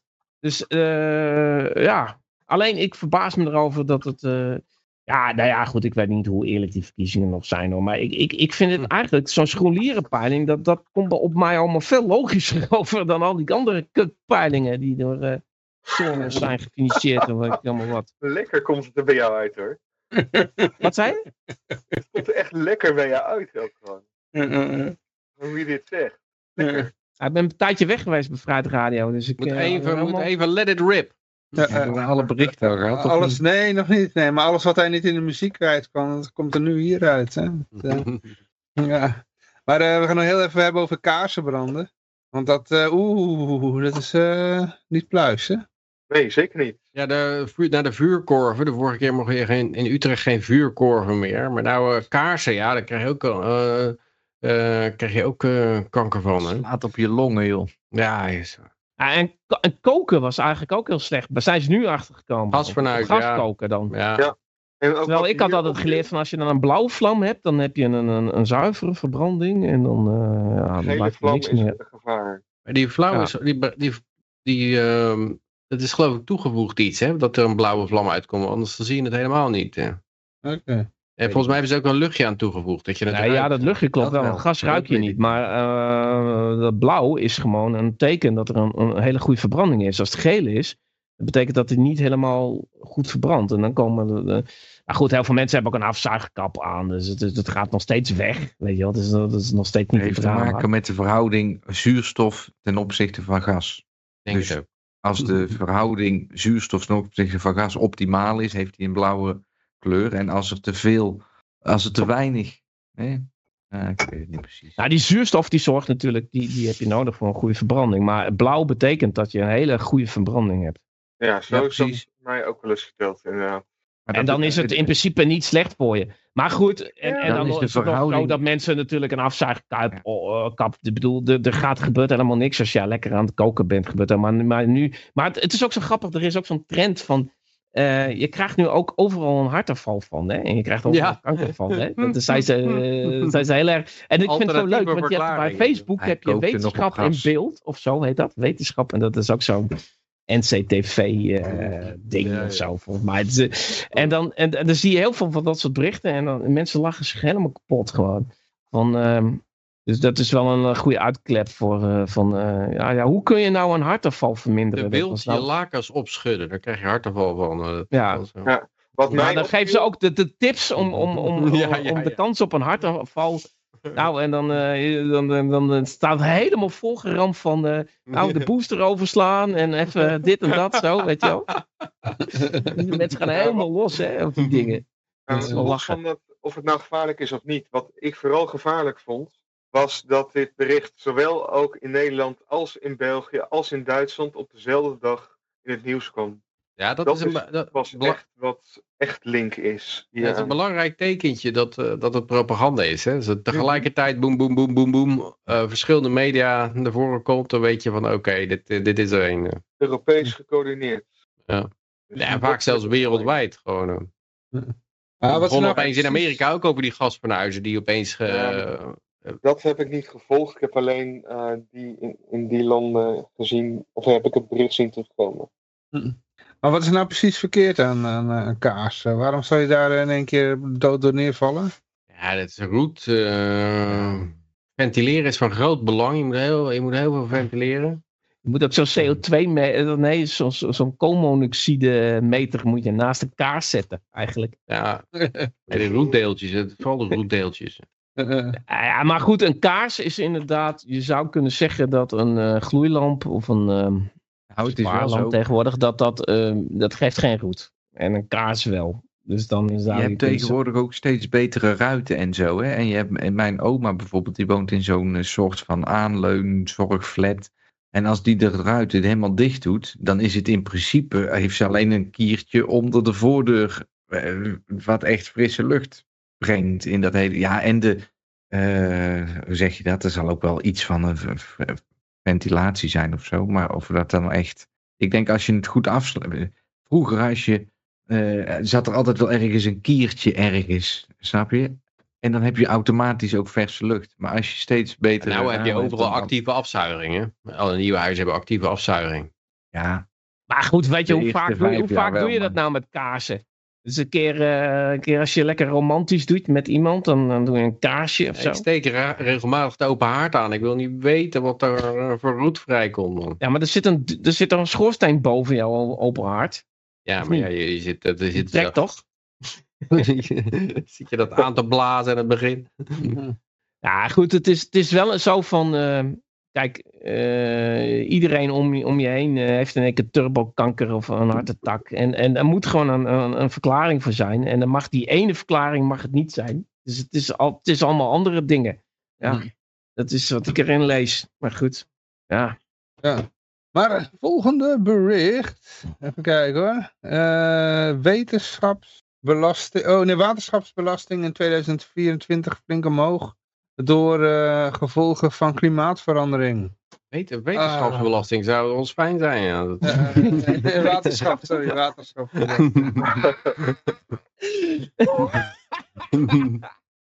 Ja, maar het is, het, is, het is nooit de overheid. Het is altijd iets anders. Het is een, het is een eh, virus of het is een klimaatverandering. Het is, eh, Ja, die belasting die, die gaat wel omhoog, maar dat, Mm. dat is niet... Maar dat waterpeil wil, maar het, het zeeniveau wil maar niet omhoog, hè?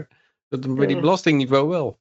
Mhm. Ja, het is, eh, het is eh, ook... eh, ja, veel gezinnen gaan flink meer betalen. Dat komt doordat de waterschappen vanwege de gevolgen van klimaatverandering steeds meer investeringen moeten doen. Investeringen doen, dat is dan met eh, SUV's rondrijden over de dijk. Het- Ja, maar er- dit is een complottheorie die al lang, lang gaat. Hè? Van, ze komen uiteindelijk voor ons water. Ze, ze, ze pakken alle essentiële dingen, worden duurder. Dan pak je ze op, brandstof, you name it. Water eh, wordt de volgende. En, en, eh, en, het- het grappige Voedsel, is, voedsel we wonen eerst, in een... Eerst voedsel nog. Ja, voedsel heb je ook nog, ja. dat, dat inderdaad. Maar dan moet je moet je je voorstellen, we, hebben, we zitten in een gasproducerend land. We hebben het duurste gas van eh, fucking Europa. Ik heb wel gekscherend gezegd, we moeten een, eh, een, een, een, een pijpleiding uit België halen. Dan kunnen we dus, eh, ons Nederlands gas uit België goedkoper terugkopen. Dan, dan, eh, hè. Maar, eh, dus, maar we wonen in een gasproducerend land. We hebben het duurste gas van, van de fucking wereld. En we zitten in een deltagebied. Hoe, hoe zou, hoezo zou water hier een fucking probleem zijn hier in een fucking deltagebied? Hey, En, en daar als de overheid in de. Sahara de basis is, dan is er een tekort aan zand binnen no time. Dus dat, dat is Ja. geen enkel probleem. Nee, precies. De overheid kan dat. Die Ja. kan dat, ja. Kijk, en weet je wat het ook is met al die dingen? dat? Weet je wat het ook is? Met, bijvoorbeeld met, met, met stroom en zo. Hè? En die, die, eh, die zonnepanelen. Kijk, als jij nou een- zelf een stroomvoorziening zou hebben met zo'n zonnepaneel. En je zou het lineair rekten op jouw voorziening. Hè? Dat is de, bijvoorbeeld wat je op een campertje hebt. Dan heb je zo'n ook zo'n zonnepaneeltje. En dan, dan zit er geen maatschappij tussen. En dan zit er geen... en Nee, dat moeten we je niet gewoon- willen met z'n allen. hè? Nee, nee, maar dat mag ook helemaal niet, hè? Mag het niet? Nou, ik dacht, nou, Hmm. Of mag het wel? Nou, je levert ook aan jezelf terug. Dat kan wel, maar, je, maar eh, je hebt zo'n drieweg eh inverter, geloof ik. Dat je een batterij eraan kan hangen, kan je ook aan jezelf leveren en dat daarna weer terugleveren als je het zelf nodig hebt. eh, om je, om je in-uitverkeer te verkopen. Volgens mij mag dat wel.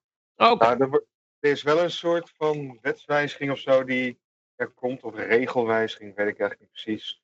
Waarmee je het in ieder geval wel mag gaan eh, delen over meerdere objecten, dus meerdere huizen. En eh, op zich kun je het nu ook al wel doen, alleen je mag het gewoon niet aan het stroomnet koppelen. Dus je moet het wel gewoon eh, met losse bekabeling, kun je het gewoon aan de buren leveren al. Ik weet wel, in Nevada, daar, daar mocht dat geloof ik niet. Daar heb je natuurlijk enorm veel zon in de woestijn. Dus dan zou je helemaal kunnen, kunnen onafhankelijk kunnen. Maar daar hebben ze dan een regel gemaakt eh, inderdaad dat je niet los van het net mag eh, Nee, want kijk, je kunt dan geen belasting meer heffen Ja. als staat. Want, want die net, en, en, en hetzelfde geldt voor regen in een regenton. Als je een regenton hebt, dan, dan pak je gewoon je eigen water en, en noem zo maar op. Want, want, want die neiging krijg je nog natuurlijk nu steeds meer. Om, om dat alles wat je nodig hebt, water, energie, voedsel, dat het probleem daarvan is dat je gigantische hoeveelheden eh, geld moet je betalen aan de overheid voordat je die krop sla, voor je dat water hebt, voor die brandstof hebt. En ja, de, de volgende stap wordt dan inderdaad dat je een belasting moet gaan betalen over het feit dat je aardappelen verbouwt in je tuin. Of eh het volkstuintjes zwaarder worden belast. Of dat je. Wat, eh, want ja, want, want de enige manier is om het te ont- ontwijken, is eigenlijk om het zelf te maken en dan direct zelf gebruik van zwart maken. aan jezelf te verkopen. Ja. ja, het is, eh, het is wel, eh, wat ik ook altijd vreemd vind, is dat heel veel Nederlanders die klagen heel veel over wat er, wat er allemaal mis is met de overheid. A, ze gaan, ze gaan alleen niet anders stemmen, ze blijven over VVD stemmen. En B, wat, wat ook vreemd is, als er dan iemand weggaat, bijvoorbeeld de rapper Boef, die gaat naar Dubai toe, dan zie je daar heel vaak onder staan een commentaar op, nou, de, doei, neem al je vrienden maar mee. en, eh, niet dat ze het gevoel hebben van, eh, ja, misschien, eh misschien de slimme, slimme move van die gast, misschien moet ik er, moet ik er ook maar eens gaan, eh, over de grens gaan kijken. Ja, goed. Nou, die rapper Boef had geloof ik wel geld aangenomen om, eh, om die coronapandemie te promoten. Had ik, Ja. eh, dat, eh, dus wat dat betreft, eh, ja, nou, heeft hij, nou gaat hij toch, ja, gaat hij weg. Dat is wel slim, ja. Ja, nou, ik, ik, ik had trouwens wel gehoord in, Duitsland dat ze... Dus die eh, nou, kijkt hij naar hoeveel die belasting die daarover moet betalen. Dan denkt hij, wacht even, dat was niet zo'n goede deal, die, deze promotiecampagne. Ja, en, eh, maar dan heet je boef. En dan, eh, maar dat Mhm. klopt dan ook wel, want je wordt door de staat, door de grootste misdaadorganisatie, word je inderdaad ingezet. Maar, maar in Duitsland wouden ze nou ook een soort migratiebelasting, omdat je natuurlijk mensen die bijvoorbeeld een pensioentje hebben of die niet meer hoeven te werken, die, ja, die denken nou, ik ga wel naar Hongarije of zo, want, want anders dan, Ja, dan maar dat, ik al- dat hebben we Dat is al. een emigratiebelasting, het is geen Emigratie, ja, geen sorry. immigratiebelasting. Nee, emigratie, sorry. Dat Ja, je, zei, je zei het goed, maar je zei migratiebelasting. Maar dat emigratie of immigratie? Ja, ja het hangt er vanaf, als je vanuit. Hongarije denkt, is het weer, nou ja, maar goed, sorry. Wat wou je zeggen, Lucas? al. Eh, als je naar het buitenland verhuist, dan moet je ook als, eh, melden bij de Belastingdienst dat je weggaat. En er wordt gekeken wat is je vermogen. En er wordt daar dan ook een deel van belast. Ja, volgens mij als je, als je een BV hebt of zo, daar, daar zit nog een conservatoire beslag op of zo van de tien jaar. Als, je het, eh, dus dat- als jij al je vermogen in een BV hebt gespaard en je gaat dan naar het buitenland toe, dan kan je die niet leegtrekken vanuit het buitenland zonder dat daar, eh, en dan dat buitenlands belastingtarief over betalen. Dan zeggen ze ja, maar dat, die BV is gegroeid dankzij onze geweldige wetgeving van eh, energie-effectrapportages die je moet maken. Ja, maar in Duitsland ging het om particulieren. Ja, Ja, zijn, in Nederland, op de plantage houden. ja, in Nederland was- is het ook al voorstel om een exit tax te hebben. Ja. Nou, die hebben we dus volgens mij al. En dat, toen ik naar België ging verhuizen, toen kwam dat ook. Toen had ik niet gemeld dat ik ging verhuizen. En toen kreeg ik achteraf een brie- brief van de Belastingdienst. Maar ik was ook met een negatief saldo, was ik überhaupt al verhuisd. Dus eh er was helemaal niks te plukken. Ik kreeg ook geen geld terug. Dus in plaats van als je geld, als je wel vermogen zou hebben, zou het belast worden. Maar ik had negatief vermogen en daar kreeg ik geen geld terug, zeg maar. Maar dat, dat was in 2006 was dat, dat ik, dat, dat ik verhuisde. En dat dat toen ook al een soort exitbelasting was. We hebben het al. We lopen gewoon voor. Dus, dus je wordt geboren met een staatsschuld. En als je weg wil, dan heb je een exit, Ja, exitbelasting. va- vandaar. Ja, daarom is die belasting er. Maar, maar we zijn geen slaven Nee, absoluut niet. die ons vrij hoeven kopen. Dat zijn we niet, hè. Eh, eh, eh. Niet, niet, we leven Maar, in eh, vrijheid, hè. Mensen, het rad jouw, is... ouders, jouw ouders kiezen ervoor om jou aan te geven. hè? Ja. Die hebben hem ook een naam gegeven, maar daar heb ik allemaal, had ik allemaal Elke niks over te keer- zeggen, joh. Elke keer als jij inlogt met je DigiD, dan bevestig je jouw contract. Dan zeg je, ja, ik ben het onderdeel van deze club. Heb mij alsjeblieft, handhaaf mij alsjeblieft, handhaaf mij. Ah, ja. Eh, Zit eh, het eh. in? Maar mensen, het eh, rad is er, dus uh, uitroepteken Ron Paul in de chat. En je maakt Oh. kans op eh, lidmaatschap van de LP of 10 e-gulders. Ja. Dan moet je even contact opnemen met hun en zeggen, ik betaal met e-gulders. Ja, ik heb het gewonnen is- bij Vrijheidsradio. Is Jan Mark inmiddels al eh, lid geworden, Yoshi? Eh, Ik ben lid, ja. Ik ben lid ja, van je ik bent ben wat lid. eindelijk... eh, Heeft hij Ik jou ben voor het eerst lid van een politieke partij. Ah, Ja. zo.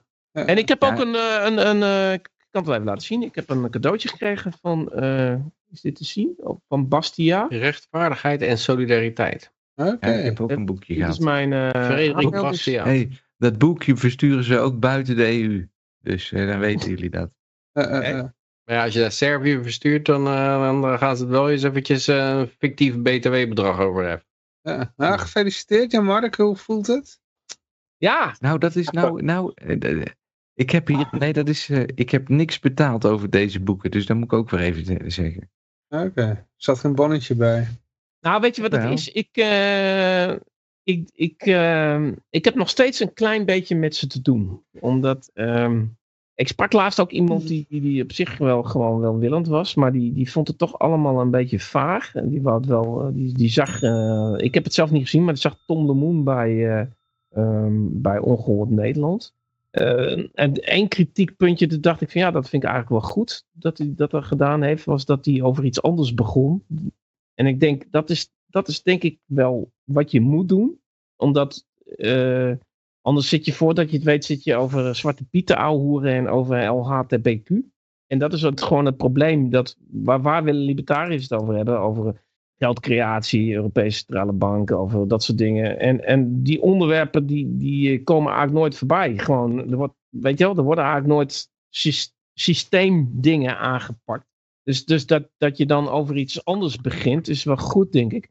Alleen, eh, weet je, ik vind het nog steeds omdat je zo'n moeilijk onderwerp hebt, wat voor heel veel mensen buitennissig is, zeg maar, denk ik dat je veel eh, simpeler en eh, dat, maar ja, ze zullen het wel met Ja, Mark. zijn. Mag ik wel zeggen, als ik nou het als volgt uitleggen in één zin.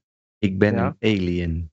Heb je, heb, is het dat simpel genoeg? Zouden mensen het dan begrijpen? Nou, ik denk, Als je- ik, denk, ik denk als je zou zeggen van eh, belasting is afpersing, of belasting moet, eh, wij willen de belasting vrijwillig. Dat is één zin. Dat is denk ik simpeler, heel direct. Ja. En, maar dat kunnen zij niet doen, omdat zij eh minarchistisch zijn. Daar hebben ze voor gekozen. En, eh, dus, dus je hebt dus de, de rechtsstaat en, en een eh, leger, politie. En hebben ze geld voor nodig. En, en dat, dat denken ze met de onvrijwillige belasting niet te kunnen doen. En dan vervolgens gaan ze dan wel een beetje uitleggen dat belasting eigenlijk niet goed is. En dat het dan. eh, maar dan, weet je, dan wordt het weer een heel moeras. En dan wordt het heel ingewikkeld. En men snapt het op een gegeven moment niet meer. En het moet ook allemaal natuurlijk in een hele korte tijd. Als, als je ergens komt te zitten tussen Thierry Baudet en Van Haga bij eh, Ongehoord Nederland of zo. En eh, ja, ik denk. Als je gewoon radicaal zou zijn en zou zeggen: nee, belasting moet vrijwillig. We gaan niemand meer opsluiten in een kooi. Als je niet Ja. mee wil betalen. Dan, eh, dan is het zelfs voor een kind te begrijpen. Alleen, of je Ja, alleen al zeggen, je, je mag zelf kiezen waar jouw belasting aan uitgegeven wordt.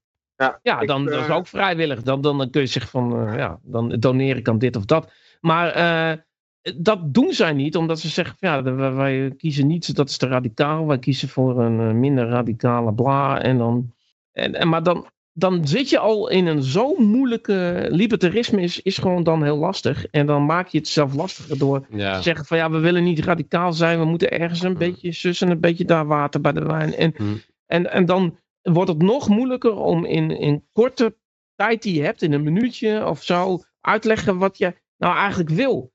En dan, ja, er zit te veel angst je achter. te Er zit, er zit- voor mensen. Sowieso zit er angst achter. Want de angst is van, Ja. oh jee, eh, Ja. ik word niet serieus genomen of ik zo. vind hem gek.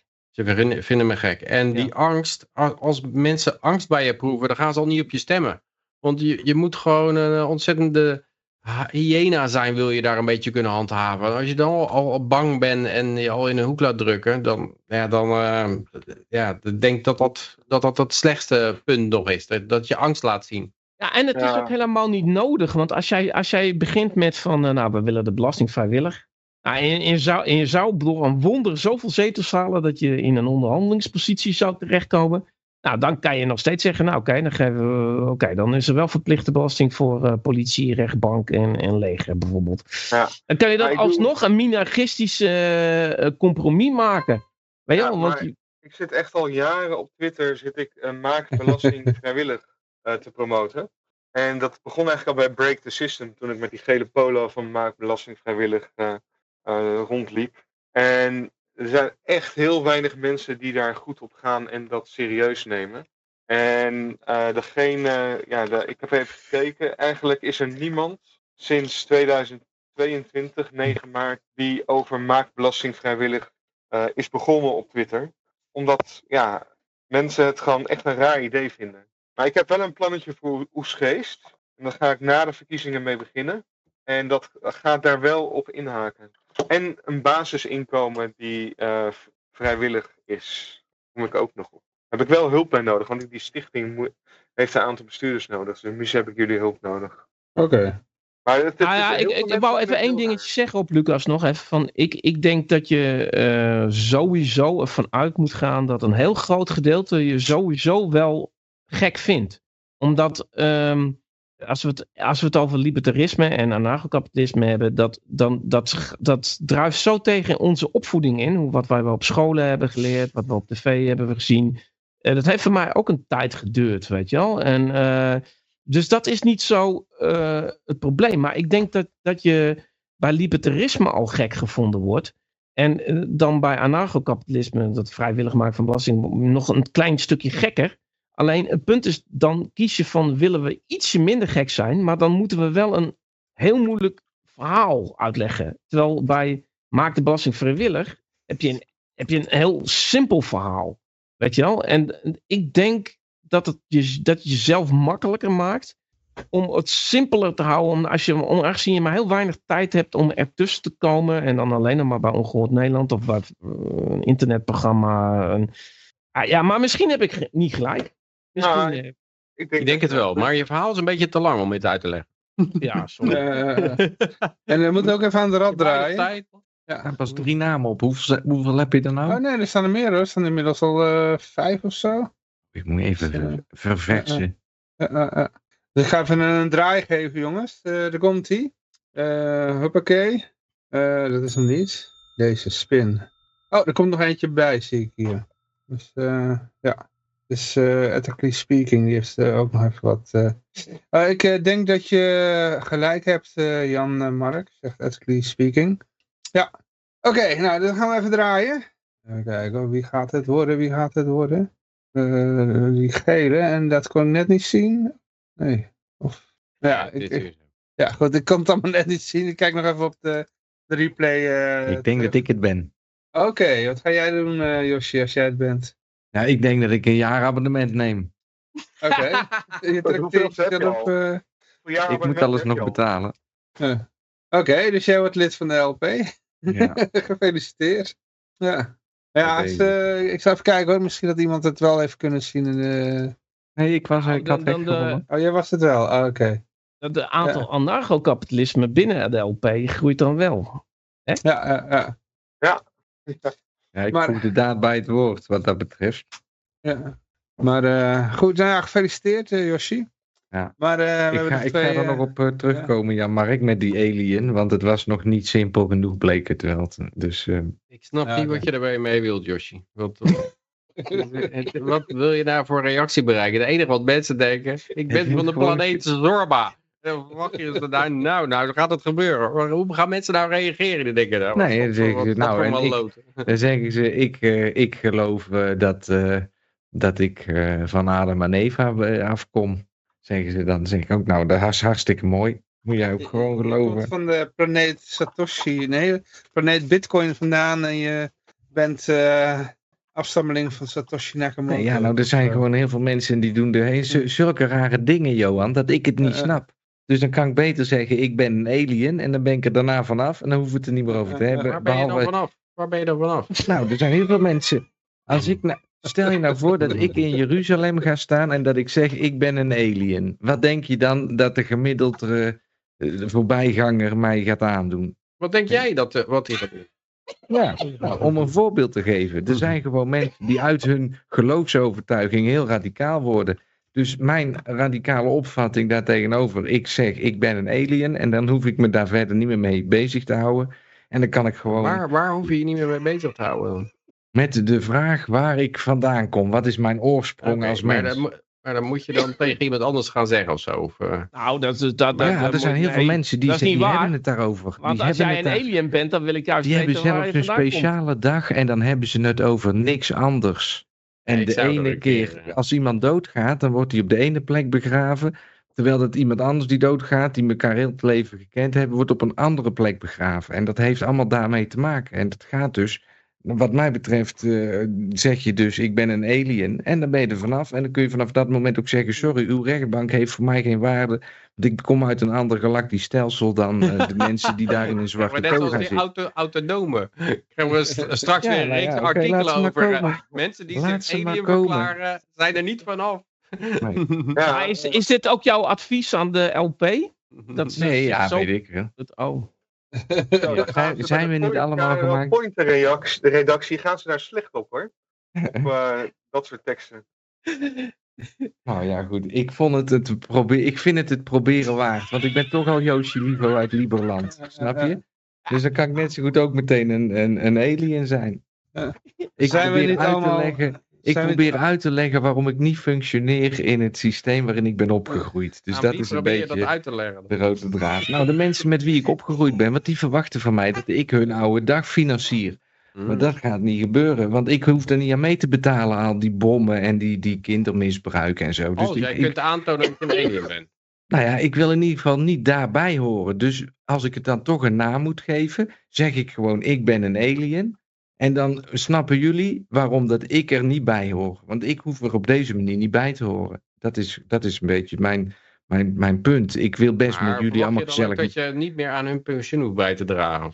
Ja, en zorgverzekering. Als ik daar geen gebruik van wil maken, als ik mezelf niet daarmee wil Dus jij, verenigen. jij verwacht de ra- reactie van de, van de mensen waar je mee opgegroeid Ik bent. Die zeggen, dat oh ik Yoshi, gedwongen nou, kan nou worden. begrijpen we het. Je bent een Ik- alien. ik nee, vind dan hoef jij dat ik dan, kan worden jij niks om van ons te betalen. Ik vind niet dat ik gedwongen kan worden om lidmaatschap te betalen van een club waar ik niet bij wil horen. En, en eh, Nee, dat vinden we hier allemaal. Maar dat Ja, is nou. wel, dat wel de realiteit. eh. ja, nou ja, oké. dus ik heb nou, eh, Maar Hier een jij bedrijfje. verwacht dat ik ben een alien beter werkt als ik ben autonoom. ja. Ja, je kan ook En zeggen dan moet je van, dus ook een kerk bouwen, hè. Moet je ook een kerk bouwen. En dan moet je dus geen alien. gebruiken. Ja, dan moet je een van de dansje verzinnen of zo. En dan, ga je, Hmm. dan zeg je één keer in de 15 jaar doen we dit, dit, dit dansje en dat is ons geloof. Hmm. Nou, dan moet je één keer in de 15 jaar moet je vijf minuten een dansje doen. Je hebt ook nog de kerk van het vliegende spaghetti monster. Hè? En dat Ja. is eh, erkend inmiddels. Dus, eh, Daar ben ik lid van. ja, eh, dat is door de Nederlandse staat erkend. Ja, Kost nou, trouwens 2 miljoen belastinggeld, Ja, oké. die erkenning. Ja. Zo'n papiertje met een stempel is een hoop geld. Ja, Dan noemen we het spaghetti monster. Maar dan ben je ook weer... Sommige mensen slecht op hè, als je dat zegt. Wat? Als, ik, ik heb het wel eens gezegd te midden van collega's toen we het over eh, ja, religie hadden en, en wie van welke religie is. Toen zei Maar ik, van, spaghetti van- monster. Ik zei van ik geloof in het vliegende spaghetti monster. En daar ging echt een collega heel slecht op.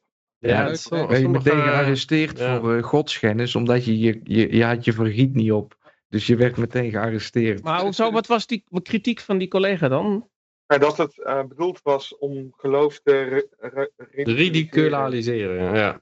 Ja, ik hoorde, hoorde Tom Woods ook over. Ja, die mensen die dan zeggen, eh, vliegende spaghetti monster, eh, die hebben er echt helemaal niks van begrepen. Van, eh, ja, het, het is raar. eh. het is eigenlijk gewoon met een hele hoop emotie iets, eh, iets tegengaan waar, waar je geen argument voor hebt. eh.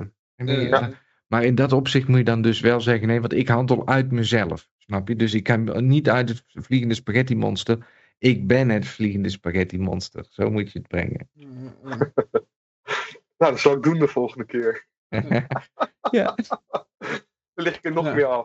Er wordt in de chat nog gezegd, eh, zijn we niet allemaal gemaakt van sterfstof? Dat heb je ook nog, hè? Ja, Ja. Stardust. Maar ik heb eh, nog eh, twee politieberichtjes en dan zijn we klaar. Ehm, Ja, die laatste is leuk. Die had ik al gelezen. Ja, ik heb hier even kijken. Het gaat over die eh, in Californië en ook andere delen van Amerika heb je dan eh, dat hele groep eh, jongeren die gaan dan een, eh, een winkel overvallen. Dus dan pakken ze alles wat ze maar kunnen krijgen. Dan komen met z'n allen tegelijk. hè. En dan pakken ze alles mee wat ze maar kunnen vastpakken. Hoe heet dat dan? Wat is de slang daarvoor? Ja, het heeft een naam. Maar in ieder geval, eh, dan, en dan ze ook- Crowdfunding. Crowdfunding? Nee. nee. Oké. Ja, het had een, een, soort rate is het dan. Dan gaan Ik ze krijg hele grote allen... advertentie eroverheen, dus ik, eh, ik kan, het, ik kan het niet lezen. Oh, Oh, oké. wacht. Ik kan Ik je zal het even aanklikken. Kan je toch Ik wegdrukken, ja. Ik hoor ondertussen een toetsenbord. Ehm, Nou, fijn dat jij het Lucas. eh, Mark. eh. maar eh, goed, in ieder geval, eh, ja, de, in ieder geval de sheriff die zegt dat eh, ja, ze willen het wel aanpakken, maar een supermarkt, ja, Target, dat is ook zo'n retailer, die, eh, die houdt het tegen. Dus, eh, Ja, maar ik, ik zeg even dat ik het verkeerd begrepen heb. Maar in Californië is het toch zo dat onder een bepaald bedrag, 951. dan, eh, dan moeten ze het laten gaan zo. ja, Er is een, dus dan- er is een winkelier in In Californië Californië. is dat, hè? En die heeft Ja. alle prijzen in zijn winkel Mhm. aangepast naar 952. En dan kun je aan de entree kun je een, kun je een eh, kortingsbon kun je halen. krijgen. Dat is slim, ja. Want dan Ja. kan hij in ieder geval de politie bellen als er iets gebeurt. Ja. En iemand laten oppakken. Nee, maar goed, dat is dan waarschijnlijk waar die sheriff dan mee zit. Want, want als er dan heel veel mensen iets stelen, dan is het per saldo, zit het onder die 900 euro. En dan, ehm, dan kan hij eigenlijk niks doen, is het verhaal. Ja, dat is niet En wat in het artikel staat, hoor. Want i- in niet. het artikel, oh, dat gaat dus niet waar het om gaat. Nee. Dus, eh, artikel dus staat, hij beklaagt daar niet over. Oké. Nee. De artikel zegt de sheriff, we were told they didn't want to create a scene inside the store and have people film it and put it on social media, Cooper added. They didn't want negative press. Unbelievable. Ze Target waren bang voor een negative press, want dan is het natuurlijk een zwarte iemand of zo. En dan eh, zijn ze natuurlijk weer racistisch als ze die in de boeien slaan. Dat is eh, slavernij. Ja. of zo. Die moeten gewoon kunnen stenen. Maar eh, kennelijk zijn ze daar, zijn ze daar bang voor. Ja, dan, dan rest uiteindelijk maar één ding wat, wat al eerder gebeurd is. Gewoon eh, de zaak sluiten op een gegeven moment. Hij wordt verliesgevender en verliesgevender. En op een gegeven moment gaat hij dicht. Ja, wat ik, wat ik zelf ook een beetje vermoed is dat, kijk, Target is natuurlijk zo'n hele grote eh, winkelketen. En kijk, die hebben er eigenlijk baat bij, want die kunnen dat nog wel eh, dragen, dat soort eh problemen, lasten. Maar een kleine retailer kan dat niet. Die weet ook van tevoren wanneer ze worden opgestookt. Ja. Dan, hebben ze, dan nemen ze alvast wat extra plexiglas in huis. Ja, ik weet niet, maar de- ik denk, kijk, zo'n zo'n kleine, die, die gaan dan allemaal onderuit door dit soort eh, overvallen. En ja, dat is, dat is alleen maar goed voor de, de grote jongens. Maar ze zijn echt bang voor, voor slechte pers. Want dan, dan heb je donkere Nou, jongens of ik zo. denk dat en dat die worden dan in de boeien geslagen. En dat dan zegt de sheriff, ja. Ja, Eh, oh, ja. dat zal hem zijn, denk ik. Wat Ja, ze maar- makkelijker vinden is de prijs omhoog doen en dat achter een, eh, achter een bescherming zetten. Zodat je niet meer je tas vol kan laden. Zo. Ja, het is natuurlijk Californië en, en, en Texas. Daar zit er natuurlijk eh, iemand met een, met een eh, flink groot pistool achter de toonbank. Die lost het eh, wel op voordat, voordat de politie is gekomen. Eh, eh. En daar wordt ook nog voor geapplaudisseerd als dat Nou, in New York City is shoplifting met 64% omhoog in de afgelopen vier jaar. Meer dan elke andere stad. Al die grote steden die gaan helemaal onder. Ik las ook een heleboel berichten in DC. eh, gewoon een carjacked. Een UP, hele UPS-truck werd er gewoon gecarjacked. En eh, allemaal... Ja, dat is wel raar natuurlijk. Omdat in DC, daar zitten dan al die politici die de wereld beter willen maken. En als ze uit het raam kijken, dan worden er allerlei mensen doodgeschoten en, er- en beroofd. En zelfs politici zelf werden ook beroofd. En eh, ja, dat kunnen ze kennelijk niet fixen. Maar ze kunnen het ver weg wel fixen. Nou, wat ik heel bijzonder vond, dat was dat in, ook in Californië, dat eh er kon er helemaal niks doen aan die eh junkies op straat, maar dan komt Xi Jinping eh, komt Ja. langs en dan in één keer, huppakee, opgeruimd. helemaal opgeruimd. Ja. En, en dan, zie Pink, die, heb je gehoord van Biden? Die eh, had heel lang overleg. En dan noemt hij hem daarna, ja, Biden goes off script en calls Xi a dictator. En dan uh, gelijk iedereen weer rep en roer. eh, Hele Maar dat was, dus- toch altijd, dat was toch altijd dat wat wij die communistische landen verweten. Dat, eh, dat zij dan gewoon de, de pers en als er iemand werd ontvangen, dan werd alles mooi gemaakt. En eh, alles zag er goed uit en schoon. En, Ja, en, ja. en iedereen Was was blij. En iedereen met een vlaggetje zwaaien. En dan, Ja. dat, dat werd dan altijd, of, of, of, of in Argentinië of zo. Maar, nou, nee, dat, dat doen dictatoriale regimes doen dat. Maar goed, Amerika doet het ook. Die maakt het ook even, cleant ook even de boel gewoon voordat er eh ziek komt. Ongetwijfeld. ja, maar we hebben Ja, nog een, ook, denk ik. ja, we hebben nog het laatste berichtje. Eh, vier, eh, dit is ook uit Californië, vier eh, sheriffs uit een eh, departement in L.A. die eh, hebben zelfmoord gepleegd. Ja, tegelijkertijd, hè. Oh. Eh, Dus in- binnen één dag of zo hebben er vier LA-agenten zelfmoord gepleegd. Ja, Van hetzelfde bureau.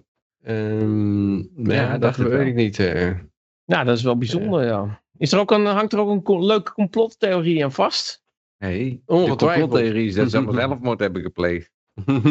En zat die agent die mij gisteren de keuring heeft gegeven er ook bij? Nee, dat is in L.A. eh.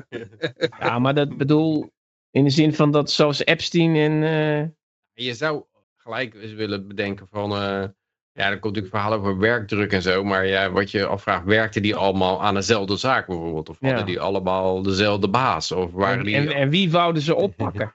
Die Ja, niet opgepakt waar, worden. waar hadden ze wat eh, lijken vanuit de kast? eh, wisten ze wat van? Hadden ze belastend materiaal over Hillary Clinton? Ja, dus- Eh, ja.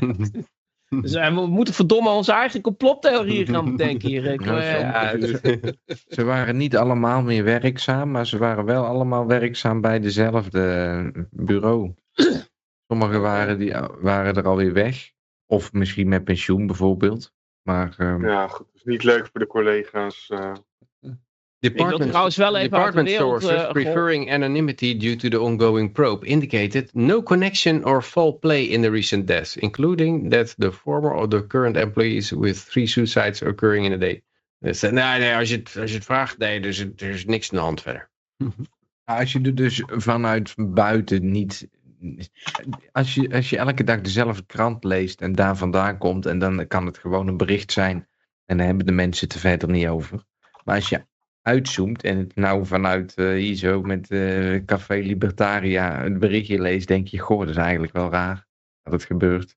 Hè? Het is Ja. niet zomaar een plek. Nee. maar Nou, goed, het is, het is wel bekend dat ze heel veel zelfmoord plegen, eh, agenten. hè? Maar, maar dat wordt dan geweten omdat het eh, voor hun ook makkelijk is. Met zo'n pistool kunnen ze makkelijk, eh, makkelijk doen.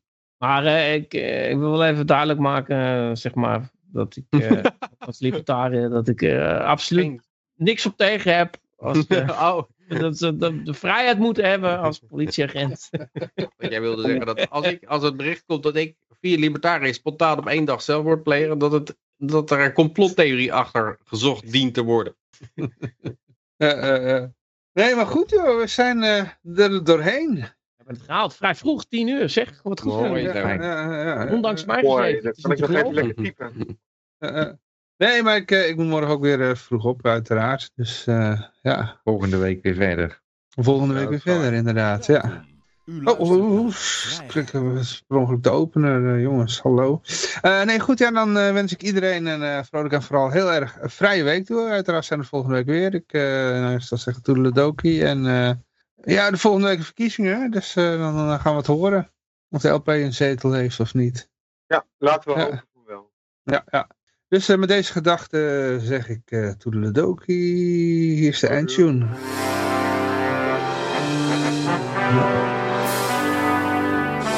Ja, Nou, prettige avond, man. ja, Ja, ik dankjewel. Nou, doei. Eh, leuk dat jullie er waren. En, eh, nu zal de eindtune wel voorbij zijn. Oké.